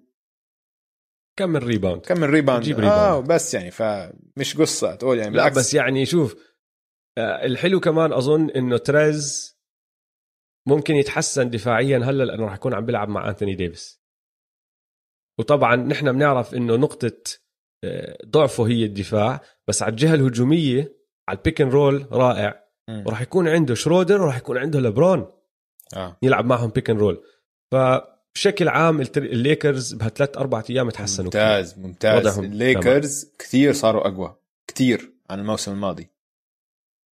طيب ال trade الثاني اللي بدنا نحكي فيه كريس بول وفخر العرب عبد عبد النادر. الرحمن النادر أيوه. راحوا من الاوكي سي ثاندر على السانز وإجا محلهم ريكي روبيو كيلي أوبري تاي جيروم جايلن ليكيو وكمان أكمل بطاقة لأنه لازم كل شيء دخله بالأوكي. سي ثاندر يكون فيه بطاقات. أها. ردة فعلي الأولية كانت إني أنا مبسوط لكريس بول بس بصراحة كمان حزنت له.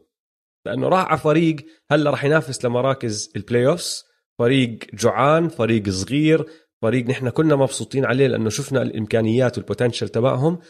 بس كريس بول عمره 35 سنة ومع هذا الفريق ما راح يفوز بطولة. آه. أنا م... شوف. مثلي مثلك بالضبط. يعني أنا توقعته يروح حبيته يروح على فريق جد عم بينافس. لو كان البوكس آه. آه. مثلا أو قلنا الليكرز فريق يعني عم بينافس. هذول يعني هلأ بأحسن الحالات إيش؟ ال- السانز بال playoffs مركز رابع خامس بأحسن الحالات. أحسن الحالات مركز رابع خامس. آه. يعني إصابة كلاي بتساعدهم. بس إصابة تانية هون هناك كمان ممكن تساعدهم وممكن ينافسوا للرابع خامس. ما راح يطلعوا أكتر من هيك وما راح يفوزوا البطولة. لسه مش جاهزين يفوزوا البطولة. آه. حق. هلا ال ال الواقع هو إنه السانز هدول ما عندهم top 10 أو حتى top 15 player أوه ما. بعرف. ديفن بوكر ما وصل. وصل top 15 فكرة؟ بول ديفن بوكر لا لسه. اظن أظن هاي السنة ممكن يدخل top 15 حسب كيف بتطور بس بعده مش top 15 والله اللي شفناه ف- اللي شفناه بال bubble بحطه آه top بس 15 ال bubble ثمان مباريات دويس. عشان هيك كمان صح، ما آه. بدنا نستعجل بآرائنا. بدنا نشوف شو بيعمل على الموسم كله. ممكن أنا عم بحكي لك إياها نهاية الموسم نكون عم نحكي عنه top 15 بس لسه ما وصل. وفي شغلة مثيرة للاهتمام كمان كتير صغيرة بس ممكن تكون كتير مهمة. سي بي 3 راتبه هاي السنة 41 مليون بعدين عنده خيار لاعب للسنة الجاي 44 مليون فاصل 8 تقريبا 45 مليون. آه. هذا مبلغ خرافي خرافي. آه. ماشي؟ بس إذا سي بي 3 شاف إنه هذا الفريق ما راح يتطور لدرجة إنه بيقدر يربح معهم بطولة. في فرصة إنه يقول لك ما بدي هالمصاري ما بدي هذا الخيار بفس- بفسخ عقده بقرر يروح على فريق تاني عشان ينافس لبطولة. بصفوا السانز كسبانين منه سنة وخبرة. بس بعدين خلص بيروح وال 45 مليون بصفوا بيقدروا يصرفوها على لعيبة تاني آه. فبدنا نشوف شو راح يصير مع سي بي 3 أنا بتوقع يعني السي بي 3 مع ال مع الاوكي سي السنة الماضية. طلع على مين كان حواليه؟ شي جلجس شرودر وجاليناري وادمز بهاي التشكيلة سي بي 3 قادهم المركز الخامس وكان متعادل حتى مع الروكيتس المركز الرابع. فهذا الفريق هلأ أفضل. عندك ديفن بوكر عندك دياندري أيتن آه، وكام جونسون لعب كتير منيح وعم بظهر. فالفريق السانز حاليا العناصر اللي حواليه أقوى بكتير من اللي كان حواليه باوكي سي. بس ال west أقوى. بس ال west أقوى بس في فرق كتير نزلت. هلأ مثلا شكله الروكيتس حينزلوا اللي كانوا فوقيهم؟ الروكيتس راح ينزلوا بس الوريورز مع إنه ما أظن ينافسوا للبطوله بعد إصابة كلاي. راح يضلهم الوريورز. آه. البورتلاند تريل بليزرز راح يكونوا full آه ما في- عندهم إصابات من أول آه. الموسم ليش الدنفر ناجتس آه لا وضعهم عم تمام بتحسنوا بتطوروا. مم. يعني لسه عن... أنا معك. لسه عندك كليبرز بس كمان آه بس كمان ما بعرف. يعني أنا بحكي لك السقف لإلي رابع أو خامس وهاد أحسن الحالات. آه، آه. يعني آه ال trade الثالث اللي بدنا نحكي فيه لأنه ال trade الثالث الكبير. مم. جرو هوليدي للبوكس محل إريك بلدسو جورج هيل وطبعا آه draft picks. هلا لازم نحكي بس آه، معلومة صغيرة. صار في خبصة بهاي ال trade ولسه عم بدخلوا فيها هلا فريق ثالث فلسه رابع. فريق رابع حتى. آه. فلسه ما وقعوا اللعيبة فمش ستيفن آدمز حتى ممكن يدخل بالموضوع. آه شيء آه بالضبط. حتكون في أربع فرق فلسه خلينا نشوف ووج إذا رجع جدد. لحظة معي يا جماعة. refresh الصفحة. ووج لا لسه ما فيش. okay فلسه مش معروف إيش البطاقات اللي رايحة للبليكنز بس حيروح بطاقات أكيد للبليكنز البليكنز كمان مثل آه، OKC عم بجمعوا بطاقات عم بدنا المستقبل شو رأيك أنت؟ اسمع أهم عنصر فيها كلها جرو هوليدي للبوكس. آه. شو رأيك أنت؟ محل بلادسو بلادسو هيل طالعين من الباكس هاي أكيد أنا أنا بحكي لك شو رأيي. مم. أنا أظن هاي صفقة ناجحة للبوكس. يعني بشكل عام راح أدخل فيها شوي هلأ أكثر بس بعد ما شفت ردات الفعل في عندي سؤال لك يا لويس. آه. جرو هوليدي. صار overrated شوي. اللي عم بيستغنوا عنه الباكس ما بتماشى مع جرو هوليدي. اللي عم بيجيهم. مع جرو آه. أنا هيك بالضبط عم بحكي آه. إنه أظن صار overrated شوي. بس لأنه جرو مدافع رائع. مدافع أحسن من بلاتسو حتى أظن. آه طبعا طبعا ماشي. 100% 100% ولاعب أحسن من والحلو حبتين. آه. آه. والحلو بالموضوع إنه ميدلتون لسه معهم. بس بشكل عام جرو مش من النخبة. على الجهة الدفاعية من النخبة. لاعب رائع على الجهة الدفاعية بس من مش النخبة. من نخبة ال NBA من الج- الجهة الدفاعية لحالها آه. من النخبة. بس بشكل عام يعني أعطيك إياها بطريقة تانية. نحن دائما كنا نتساءل عن البوكس ونحكي هل كريس ميدلتون ثاني أحسن لاعب. كتاني أحسن لاعب. good enough إنه يكون تاني أحسن لاعب على فريق منافس. آه صحيح. ما راح نغير هذا السؤال. ما غيره لا. مم. السؤال راح يضل هل كريس ميدلتون good enough يكون تاني أحسن لاعب على فريق منافس؟ لأنه جرو ثالث أحسن لاعب هيك مش تاني أحسن لاعب. صح. فهمت علي؟ فمشان هيك بحكي لك أظن من ردات الفعل أول ما طلع الخبر الكل حكى أوف والله البوكس سفحوا هيك هيك هيك. لا حركة حلوة. أنا مع أنا مع البوكس إنه لازم يعملوها. آه، شغلة بوغدانوفيتش وهلأ راح نخش فيها كمان شوي الخبصة اللي صارت مع بوغدان بوغدانوفيتش كان ساعدتهم لو ما صارت آه. ولو بوغدانوفيتش كمان اجى على الفريق. آه. بس بعدين خسروا ناس زي ويس ماثيوز هلأ حكينا راح على الليكرز. روبن لوبيز وبات كونينغتون وكايل كورفر كلهم لاعبين أحرار لسه ما وقعوا مع البوكس. لا بات مش عارفين بات إذا وقع يوقعوا. آه. بات وقع. بات وقع؟ آه حسب حلو. حسب وجه. بات وقع آه. ف و... والياسوفا راح. الياسوفا ف- اكل اكل هلا حنحكي عنه كمان. آه, آم، اللعيبة المهمين عندهم ال core تحسن شوي بس كفريق لسه ما بنعرف. لسه في شغل على البوكس عشان نعرف شو بالضبط عندهم للسنة الجاي.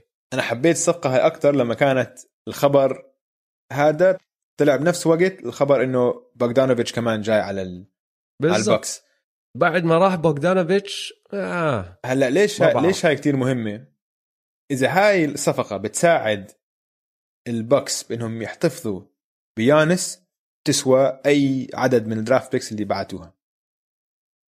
بس الخوف هلا بعد ما البوغدانوفيتش صفقة انخبصت وما حتصير إنه يانس يقول لك أنا مش حوقع ال extension عشان يانس بيقدر يوقع ال extension هلا لسه ما وقعه. عرضوه عليه امبارح الجمعة. آه هذا هو هم البوكس بدنا يانس يضل عم بحاولوا. 250 مليون. آه. ال extension تبعه. ربع بليون. إنه بتوقع ورقة وبصير في بحسابك ضامن أنت راح يدخل على حسابك 250 مليون. مم. من هون للخمس سنين الجايات. تخيل. هلا شوف يانس شخصية غير عن أي لاعب تاني بالان بي سمعت بودكاست هالأسبوع؟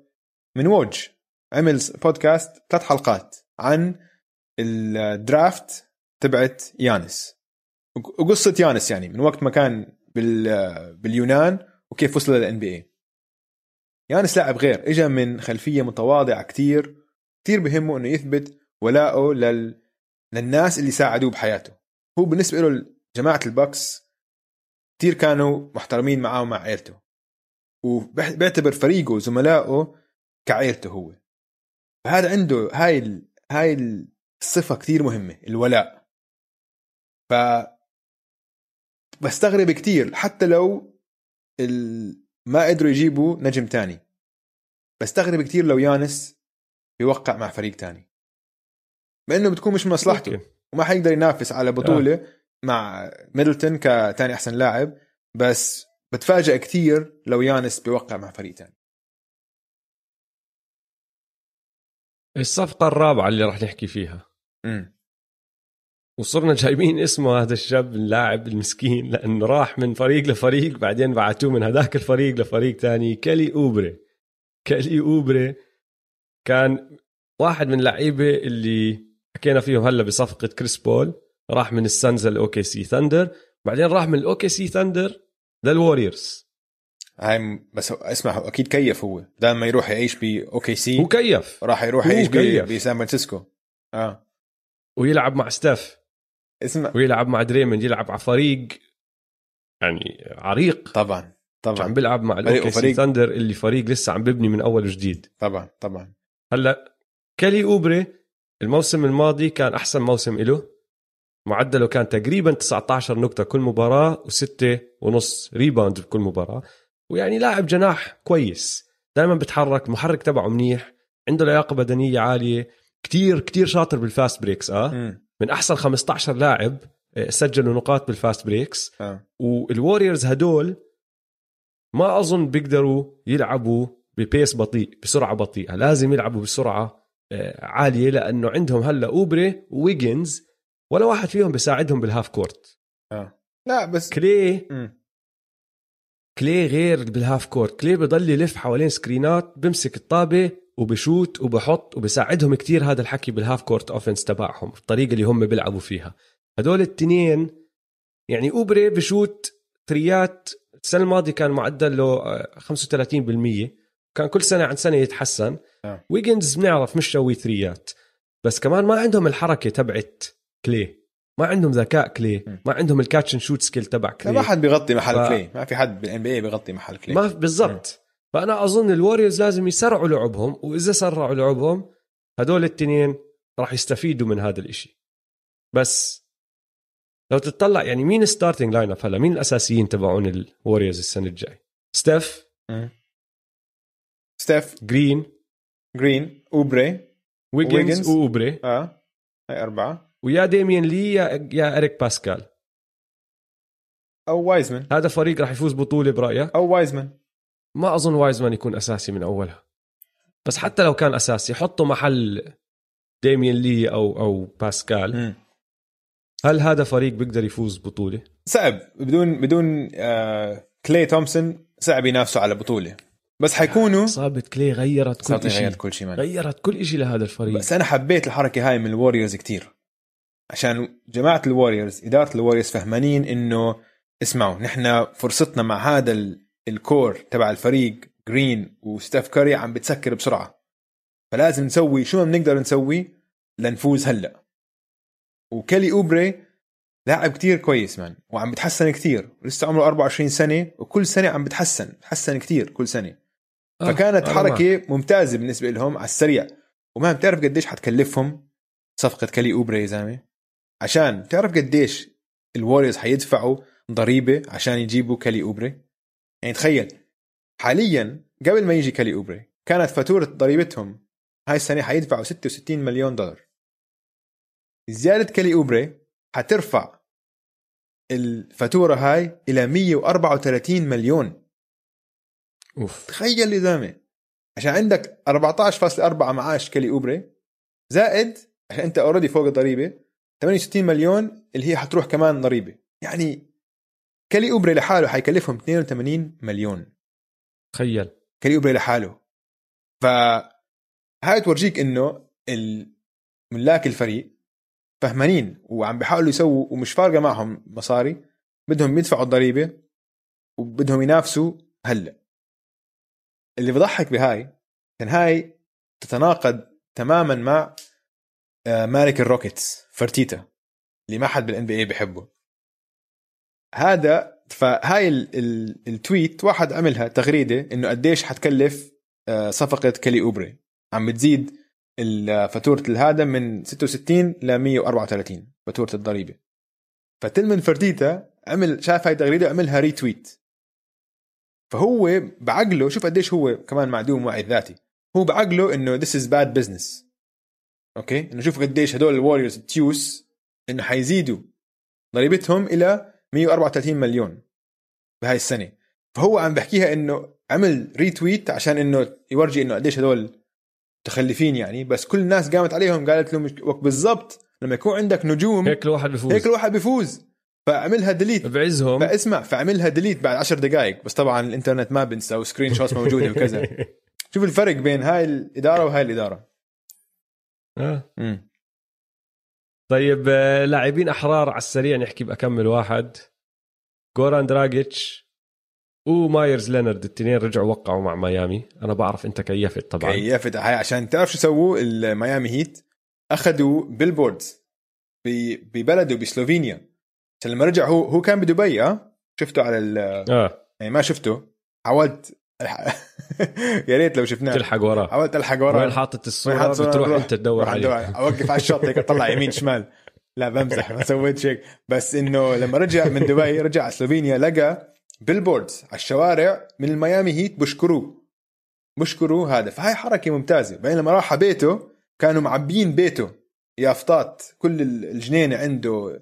وهذا إنه شكرا ل يا جوران دراجيتش وكذا و دفعوا له. كنا نحن خايفين إنه هاي الإصابة وعلى هو كبير بالعمر وهيك بس دفعوا له منيح. عقد سنتين 37.4 مليون. ف مستاهل فأنا وأنا غردت اليوم الصبح مسكت ال account وغردت قلت إنه الميامي هيت مؤسسة محترمة. محترمة وقلال المؤسسات المحترمين في ال NBA هذا فريق كبار. وغير عن هيك مي- جيمي باتلر حكى للإدارة إنه أنا الصراحه بقول لازم نوقع دراجيتش ومايرز لينارد. ووقعوهم اثنين. آه. مم. لا بيستاهل بيستاهل. بيستاهل آه. يعني كان جزء كتير مهم من اللي سووه والميامي هيت وصلوا ال finals يعني ما بدهم يغيروا كتير. هذا فريق مرتب كتير. فزي ما بيقولوا لك run it back آه. يلا كمان محاولة. آه. نعم. آه ال- اللي أنا ضحكني دانيلو جاليناري. آه. اللي طبعا الكل كان حاطط عينهم عليه كل الفرق حاطة عينهم عليه. قبل أسبوع بلكن سألوه يقولوا له أنت شو بهمك هلا أكثر في مسيرتك حاليا؟ هاي المرحلة من مسيرتك. مم. مصاري ولا خاتم؟ قال لهم اسمعوا أنا بطل عمري 20 سنة طبعا بهمني الخاتم. أوكي. بعدها بقى كم يوم راح وقع مع أتلانتا لأنه دفعوا له 20 مليون بالسنة. فضحكني كتير لأنه أول ما شاف المصاري قال لك انسى وضعك شو بدي بالخاتم. ما راح يربح خاتم بأتلانتا. آه، بس أتلانتا عم بيعملوا حركات حلوة ها؟ آه. يعني بيقولوا لك غير إنه وقعوا دانيلو جاليناري آه، قاعدين بيطاردوا ببوغدانوفيتش وروندو امم آه آه. وروندو yes sir لا لا عم عم بيحاولوا يحطوا shooters حوالين آه آه. حوالين آه، صاحب تري صاحبك. وجون كولينز. صاحبك آه تري. يونغ. دي ارن فوكس صديقك صديقي. يا دويس وابنك الثالث المنسي. هو كان ابني الأول صراحة. اجا 196 مليون. هو كان ابني الأول لا ننسى. OG. هو ابنك الأول. آه. كان ابني الأول. 196 مليون. آه. أعطوه الكينجز. 5 year extension هذا كان أول max extension أول تمديد max contract يستاهل. بين صح. لهم راح يجي كمان يعني جي تي دونيفن ميتشل كل هدول الشباب راح يمددوا لهم عقودهم بس هو أول واحد اندفع له. وبتعرف مين كمان اندفع له كتير؟ زي ما أنت حكيت ال shooters. ال shooter ال shooters. دافيس بيرتانز وجو هاريس. الاثنين بواشنطن و آه، بروكلين رجعوا وقعوهم. أنا تفاجأت من بيرتانز. ليش وقع. ليش وقع مع الويزردز؟ يعني بيقدر يوقع عشان. المصاري يا دويس. بس أنا متأكد كان حد 80 مليون. معقول معك حد, ثاني يدفع له؟ يعني ما في أسوأ من الويزردز. روح على ال... ال... ما في اسوء من الويزردز ال- بس ما كان أخذ على- ال على 80 الأقل- مليون مع ناس تانية. الهوكس كان أعطوه. الهوكس كان عندهم كاب سبيس كان أعطوه. الويزردز ما عندهم مش مستقبل. عندهم لا ما عندهم. مستقبل. اتليست بلكن بلكن وقع قبل ما جون وول يجي يحكي أعطاهم. جون وول سواهم فيهم فيلم. وهلا أنا مت... أنا بتوقع خلال 24 ساعة يمكن لما الناس يسمعوا البودكاست يكون برادلي بيل يحكي تعرف أنت بدك تطلع فيش أنا بدي أطلع. والفرق مين حتكون بدها؟ جون وول ولا برادلي بيل على نفس العقد. اي برادلي بيل برادلي بيل طبعا, طبعا. يعني ما نتخيل بيرتانز شات السنة الماضية نسبة 42.5% من الثلاثيات وسدد 14 ثلاثية كل 100 هجمة. يعني الزلمة كان عم بيسلخ يمين شمال. لا لا هذا حيفيد. كان ممكن يفيد فريق كتير هذا الصراحة بس هذا حيضل مع الويزردز هو. بصدق بعد الحلو الحلو ببرتانز كمان لما يشوت الثريات تبعته ما عم بشوت من من ورا القوس عم بشوت من نص الملعب. آه لا عنده يعني range المساحات ما بت ما ما بهتمش فيها بيحترمهاش. لا. علي؟ آه. عنده range خرافي وطويل. صحيح. صحيح. آه في كمان أكمل لاعب على السريع لأنه نذكرهم ما راح نخش بتفاصيلهم. ماركوس موريس رجع وقع مع الكليبرز. رودني هود وإينس كانتر وقعوا مع البليزرز. جيرمي جرانت وقع مع البيستونز. هاي خسارة كبيرة للدنفر آه. آه. ناجتس تري بيرك رجع وقع مع المافز. كريستيان وود هاي كانت حلوة. آه. كريستيان وود وقع مع الروكيتس. شو رأيك بهاي الحركة الصغيرة؟ هاي ممكن تكون واحدة من أفضل الصفقات في ال off season بس بما انه وقع مع الروكيتس والروكيتس وضعهم مكركب فأظن ما حنسمع منه عشان الروكيتس حيخسروا جيمس هاردن حيكون في فوضى بالفريق وما بتوقع الروكيتس يوصل ال playoffs عشان كل هالفوضى هاي. بس ف... الز- الزلمة بعده صغير آه. عنده عنده مهارة حلوة اللي هي ال- ال- ال big man تبع المستقبل هو. آه. زلمة طوله 6 عنده wingspan 7 3 بتعرف. wingspan خرافي تبعه وبيعرف يسلخ ثريات بيلعب جوا بيلعب برا ف... بس أنا بشوف منهم. بشوف الفرق. هو دفعوا له 27 مليون على ثلاث سنين بس يعني 9 مليون بالسنة فقط عم آه. نحكي فقط نسبيا يعني بس إنه طلع ال shooters. طلع طلع ال shooter شو صار فيهم طلع جو هاريس و و دافيس 75 بيرتانز. مليون جو هاريس 75 على أربع سنين تخيل. وهذاك خمس سنين طبعا 80 في مليون. عندك كتير أسماء لسه ما وقعت. آه. يعني أنتوني ديفيس بيقول لك ماخذ راحته. الكل عارف راح يوقع مع الليكرز يعني. آه. بس عم بفكر بالعقد اللي بده يوقعه لسه. مم. آه، في عندك براندن انجرام restricted free agent أظن برجع طبعا بوقع مع الباليكنز ما أظن يروح محل. فريد فان فليت صديقنا فريد. فريد في أكثر من فريق حاطط عينهم. حاطين عينهم عليه بنشوف شو بصير جوردن هيورد دويس. هاي كانت مفاجأة. آه، مفاجاه لإلي آه. لأنه عنده خيار لاعب ب 34 مليون. مم. وقال لك لا ما بدي إياه. مم. بدي أصير free agent آه. 34 مليون. ما بعرف يعني أنا ما أظن حدا راح يدفع له هذا المبلغ. سنة. على على موسم سنة واحد مستحيل. بس العقد أطول. آه بس آه. آه. العقد طويل. ممكن يجي أكثر بس استغربت شوي لأنه بالنسبة له المحل اللي هو فيه يعني مع السلتكس فريق عم بنافس وله دوره. ما مالوش دوره. هو هلأ لا، الخيار. الرابع. بس- هو. بعقله هو منيح. بعقله. أنت ما راح تكون أكثر من بس هيك هو بعقله مش خيار رابع. هو بعقله خيار مفروض يكون خيار تاني. هو بعده عايش قبل أربع سنين لما كان الخيار الأول على يوتا. هو مسكين. مسكين. حظه بالإصابات كان سيء جدا. بس لما كل ما آه، لما شفناه عم بيلعب بدون إصابات كان عم بيلعب منيح. يعني مع السلتكس هاي السنة كان معدله تقريبا 20 نقطة وكان الخيار الرابع فأنت لو خ- كخيار رابع ولسه عم تسجل 20 نقطة معناته أنت لسه بتقدر تعطي. لو أنت كنت خيار تاني ممكن تعطي أكثر محلي محله كان ضليت مع السلتكس بصراحة. آه. هلا شكله حيروح على إنديانا أو يمكن كمان في حكي على أتلانتا هوكس. طيب آه، دويس بدنا ننهي الحلقة بالربحانين والخسرانين. على السريع. تمام. بس رح نبدأ بالخسرانين. أوكي. الملواكي بوكس. لأنه حكينا طبعا صفقة جرو تحسن بس جرو وبوغدانوفيتش تحسن كتير واضح وتحسن كتير ممتاز. جرو لحاله ما عم بر... ما عم بغير الأمور كتير. و... وغلطوا خبصوا الدنيا عشان شغلة تافهة شغلة كتير غبية. آه. فالموضوع كالتالي. بوغدان بوغدانوفيتش لاعب حر فهم البوكس عم بيحكوا مع الكينجز على أساس يعملوا اللي بيسموه sign trade مم. sign trade كيف بيشتغل؟ الفريق اللي بيلعب عليه كان الكينجز. اللاعب الحر الكينجز. آه. كان بيلعب معهم الموسم الماضي. بيقدر يوقع معه عقد بمد أكثر من أي فريق تاني. مم. فهم بيرجعوا بوقتوا بوقعوا بجددوا عقده يعني بيعطوه عقد جديد. وعلى طول بعد ما يوقع بيعملوا الصفقة وبتاجروا فيه للفريق الجديد. الكينجز اتفقوا مع البوكس بس ما حدا حكى لبوغدانوفيتش اللي بسربيا قاعد بتدرب لحاله وما حدا حكى له إنه أنت راح تكون من هذا ال- بهاي الصفقة.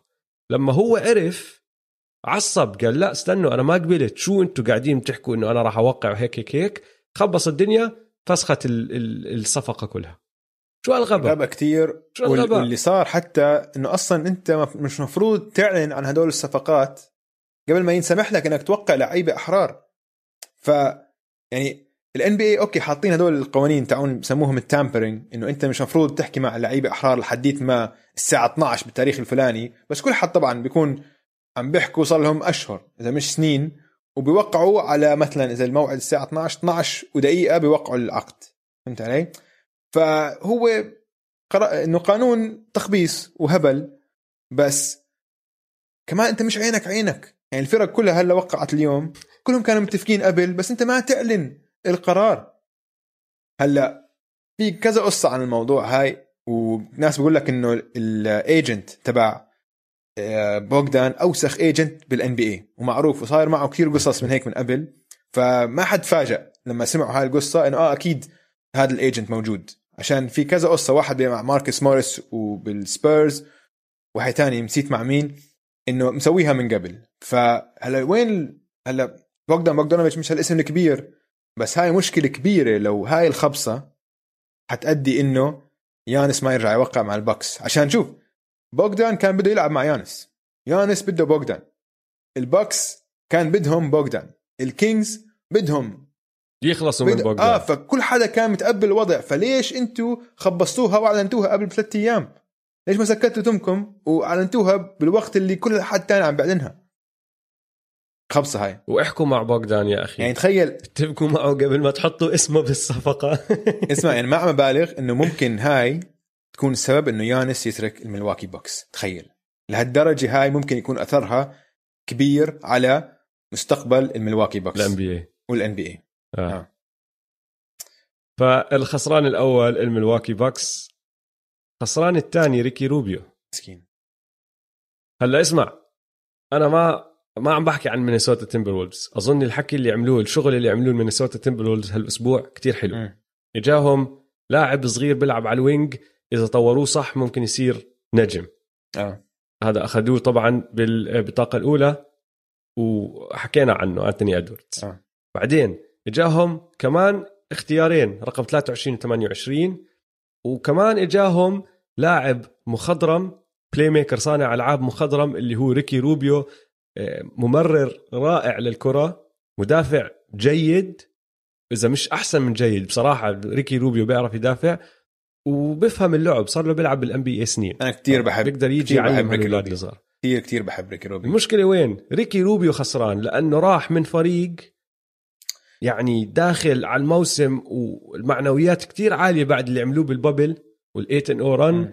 وراح ينافس لمركز بال playoffs بعدين لفريق كتير صغير ما راح ينافس لإشي لسه بدهم سنين وهو عمره 30 سنة. آه. أنا متأكد إنه ريكي روبيو حاليا بده يكون على فريق عم بنافس. ريكي بس عمره في فرصة 30 سنة؟ ممكن يفوز بطولة. ريكي روبي بس آه، ريكي ما هو. بلش بلش بكير. صح صح. آه كان نجم. باسبانيا لما كان عمره 16 آه صح صح. يا زلمة هاي كتير م... جد أنا كمان سألت له عشان هو لما كان هو كان لاعب حر السنة الماضية. وهو قرر يوقع مع فينيكس. عشان آه. بحب فينيكس وعيلته كلها هناك واشترى بيت وكل حكي هاد.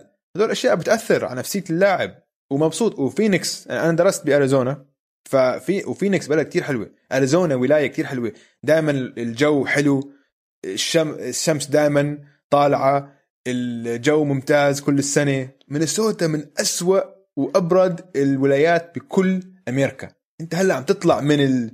من الطقس الحلو وهذا وموسم ال NBA بالشتاء. فأنت هلا حتروح من الشمس وال والنخيل والأشجار هاي الحلوة لتروح لمينيسوتا أخ. صعب. بيعرف مينيسوتا منيح وبيعرف شتاها منيح لأنه لعب طبعا. هناك ست سنين. بالضبط بالضبط. ف فاهم عايش داخل حرام زلمة. والله ال NBA مرات. فهو خسران هالأسبوع. خسران أسبوع وطبعا برادلي بليل خسران آه. كبير هالأسبوع من ورا كل شيء انت وطبعا حكيته. وطبعا الروكيتس. كمان ورا كل شيء نحن حكيناه. والروكيتس الروكيتس طبعا خسرانين وفرتيتا بالذات بس عندنا أكمل آه، ربحان هالأسبوع كمان. أول واحد داريل موري. نحن ما جبنا سيرة السكسرز كتير عشان خبيناها خبيناها لهون. داريل موري يا أخي آه. بدع. أبدع أبدع أبدع. بدع. وحش. داريل موري. اسمع. مم. باختصار السكسر شو كان ناقصهم؟ shooting. 3 point shooting. shooting. دخل عليهم سيث كاري داني جرين وتيرنس فيرجسون. شو كانت مشكلتهم الكبيرة؟ عقد آل هورفورد. عقد آل هورفورد تخلصوا منه شحنوا آل هورفورد ب trade على OKC وكمان طلع آه، جوش ريتشاردسون ب trade تاني وجوش ريتشاردسون كان راح يصير مشكلة لأنه ما بيركب مع الفريق والسنة الجاي بيخلص عقده لازم يمددوه. آه. ما بيعرف قديش بيستاهل. كان هذا يعني خيار صعب قرار صعب راح يعملوه. تخلصوا منه وال lineup هلا الأساسيين تبعونهم بيلبقوا مع بن سيمونز وجويل إمبيد كتير أكثر من زمان عندك سيث كاري من النخبة من أحسن شويتة ال NBA وطبعا ال lucky charm داني جرين دخل عليهم كل فريق بيروح عليه داني جرين بيربح بطولة صحيح. فأضمن البطولة لفيلي هاي هو. الوحيد ال back to back champion هلا صح؟ واسمع آه. آه الاشي الثاني اللي عملوه بالدرافت نقوا لعيبة صح يعني حتى الاختيار تبعهم بال- بالجولة الثانية بالدور الثاني من الدرافت واحد اسمه إيزيا جو. هذا الزلمة الموسم الماضي بالجامعة كان معدله تسع محاولات من برا القوس بكل مباراة كان يحط منها 38% أوف أوف. فاختاروا وكمان لعيبة بيلبقوا مع هذا الفريق. آه عشان اختيارهم بالجولة الأولى كل الخبراء ال draft بيقول لك هذا اختيار ممتاز. إنه كمان توقعوه إنه يختاروه فريق قبليهم بس نزلهم نزل لموقعهم بال draft وكل حد بيقول لك إنه هذا لعيب على الجهتين بيلعب two guard ومدافع ممتاز وكمان بيقدر يسوي شوية ball handling ف اختيارات ممتازة. تايريس ماكسي. مم. لا داريل موري علامات كاملة علامات كاملة. علامات كاملة. أبدع. ربحان هالأسبوع. مم. تعرف مين كمان ربحان هالأسبوع؟ يدويس مين؟ سام بريستي. سام بريستي ضل يلملم picks ضل يلملم يلملم يلملم picks وكل حدا عارف إنه OKC خلص بدهم يعملوا rebuild بدهم يبدوا من أول جديد. تخلص من كل اللعيبه الكبار اللي عندهم وضل يلم picks.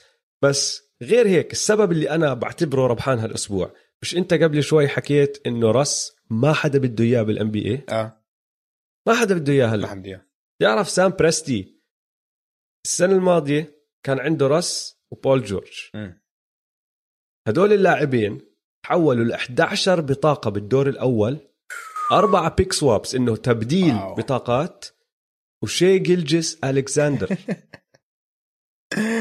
هلا أنا مش متأكد 100% من عدد البطاقات اللي بالدور الأول لأنه بصراحة قد ما عنده بطاقات ضيعت ضيعت آه. بطلت أجمع. بس, بس عدد هائل. حسبتهم حاولت أرجع. هدول بس اللي دخلوا عليه من الصفقات. ما عم بحكي البطاقات اللي عنده إياهم من صفقات تانية عم بحكي بس من صفقات رس وبول واسمع جورج. وحيكون هم وطبعا الحركات اللي وحيكون- صارت بعدها. حيكون هم كمان لهم بطاقات. يعني هم حيخلصوا باللوتري كمان فهمت علي؟ فغير عن بطاقاتهم هم. يعني عندهم مليون بطاقة من هون كمان خمس بتوقع. في درافت ف- في درافت واحدة من السنين القادمة حتكون ال pick الأول والثالث والخامس والسادس لل OKC هيك حتكون كلهم OKC آه. والربحان الأخير عندي بورتلاند مم. بورتلاند بدون ما يطلعوا. ضجة كتير آه. بدون ما يعملوا صوت كتير على السكيت حسنوا حالهم بطريقة كتير حلوة آه آه دخل عليهم روبرت كوفينغتون ممتاز إينس كانتر اللي كانتر متذكر انت قبل سنتين كان مع البليزرز وكان يحب يلعب آه، ك... كاحتياطي نوركيتش. وديريك جونز جونيور. آه. وطلع من عندهم ماريو هيزونيا وتريفور أريزا. ممتاز. مش هالخسارات الكبيرة لأنه كوفينغتون بيعمل كل شيء بيعمله أريزا بس أحسن منه. آه. وكانتر و DJJ يعني عم بيساعدوا الفريق خصوصا إنه زاك كولينز مصاب. وهيزونيا شو بدك فيه أصلا؟ بيعملش شيء آه. فحسنوا حالهم بطريقة كتير حلوة. بورتلاند بدون ما يعملوا ضجة على السكيت. آه عجبتني هاي. ع سيرة أريزا خليني أحكي لك آخر كلمة اليوم؟ كوفينغتون لما راح على بورتلاند كان استبدلوه بتريفور أريزا والبطاقة تبعت آه 2020 و2021 بس protected تبعت 2021 بس أريزا بعدين راح على رحلة؟ okay؟ خليني أحكي لك خليني أحكي لك خليني أحكي لك رحلة ابن بطوطة يعني. أحكي لك رحلة أحكي لك رحلة اريزا هالأسبوع. يوم الأحد كان مع البليزرز. صارت صفقة كوفينغتون راح للروكيتس. يوم الاثنين. يوم الأربعاء راح على البيستونز واليوم راح على المافريكس. فيعني لحد الآن لحظة لحظة. خليني خليني أشيك على شامس و ووج. إذا انتقل كمان مرة. آه، لحد الآن يوم السبت بعد الظهر توقيت. آه، الإمارات لسه ما لساته مع المافريكس يمكن لما تسمعوها هيكون راح فريق ثاني. آه، رهيب. هذا الأسبوع كان نار نار. إن شاء الله عجبتكم حلقة اليوم. نحن صراحة كثير انبسطنا بحلقة اليوم. فإن شاء الله أنتم تعجبكم الحلقة. لا تنسوا تتابعونا على مواقع التواصل الاجتماعي at m2m underscore pod يلا سلام شباب. يلا سلام.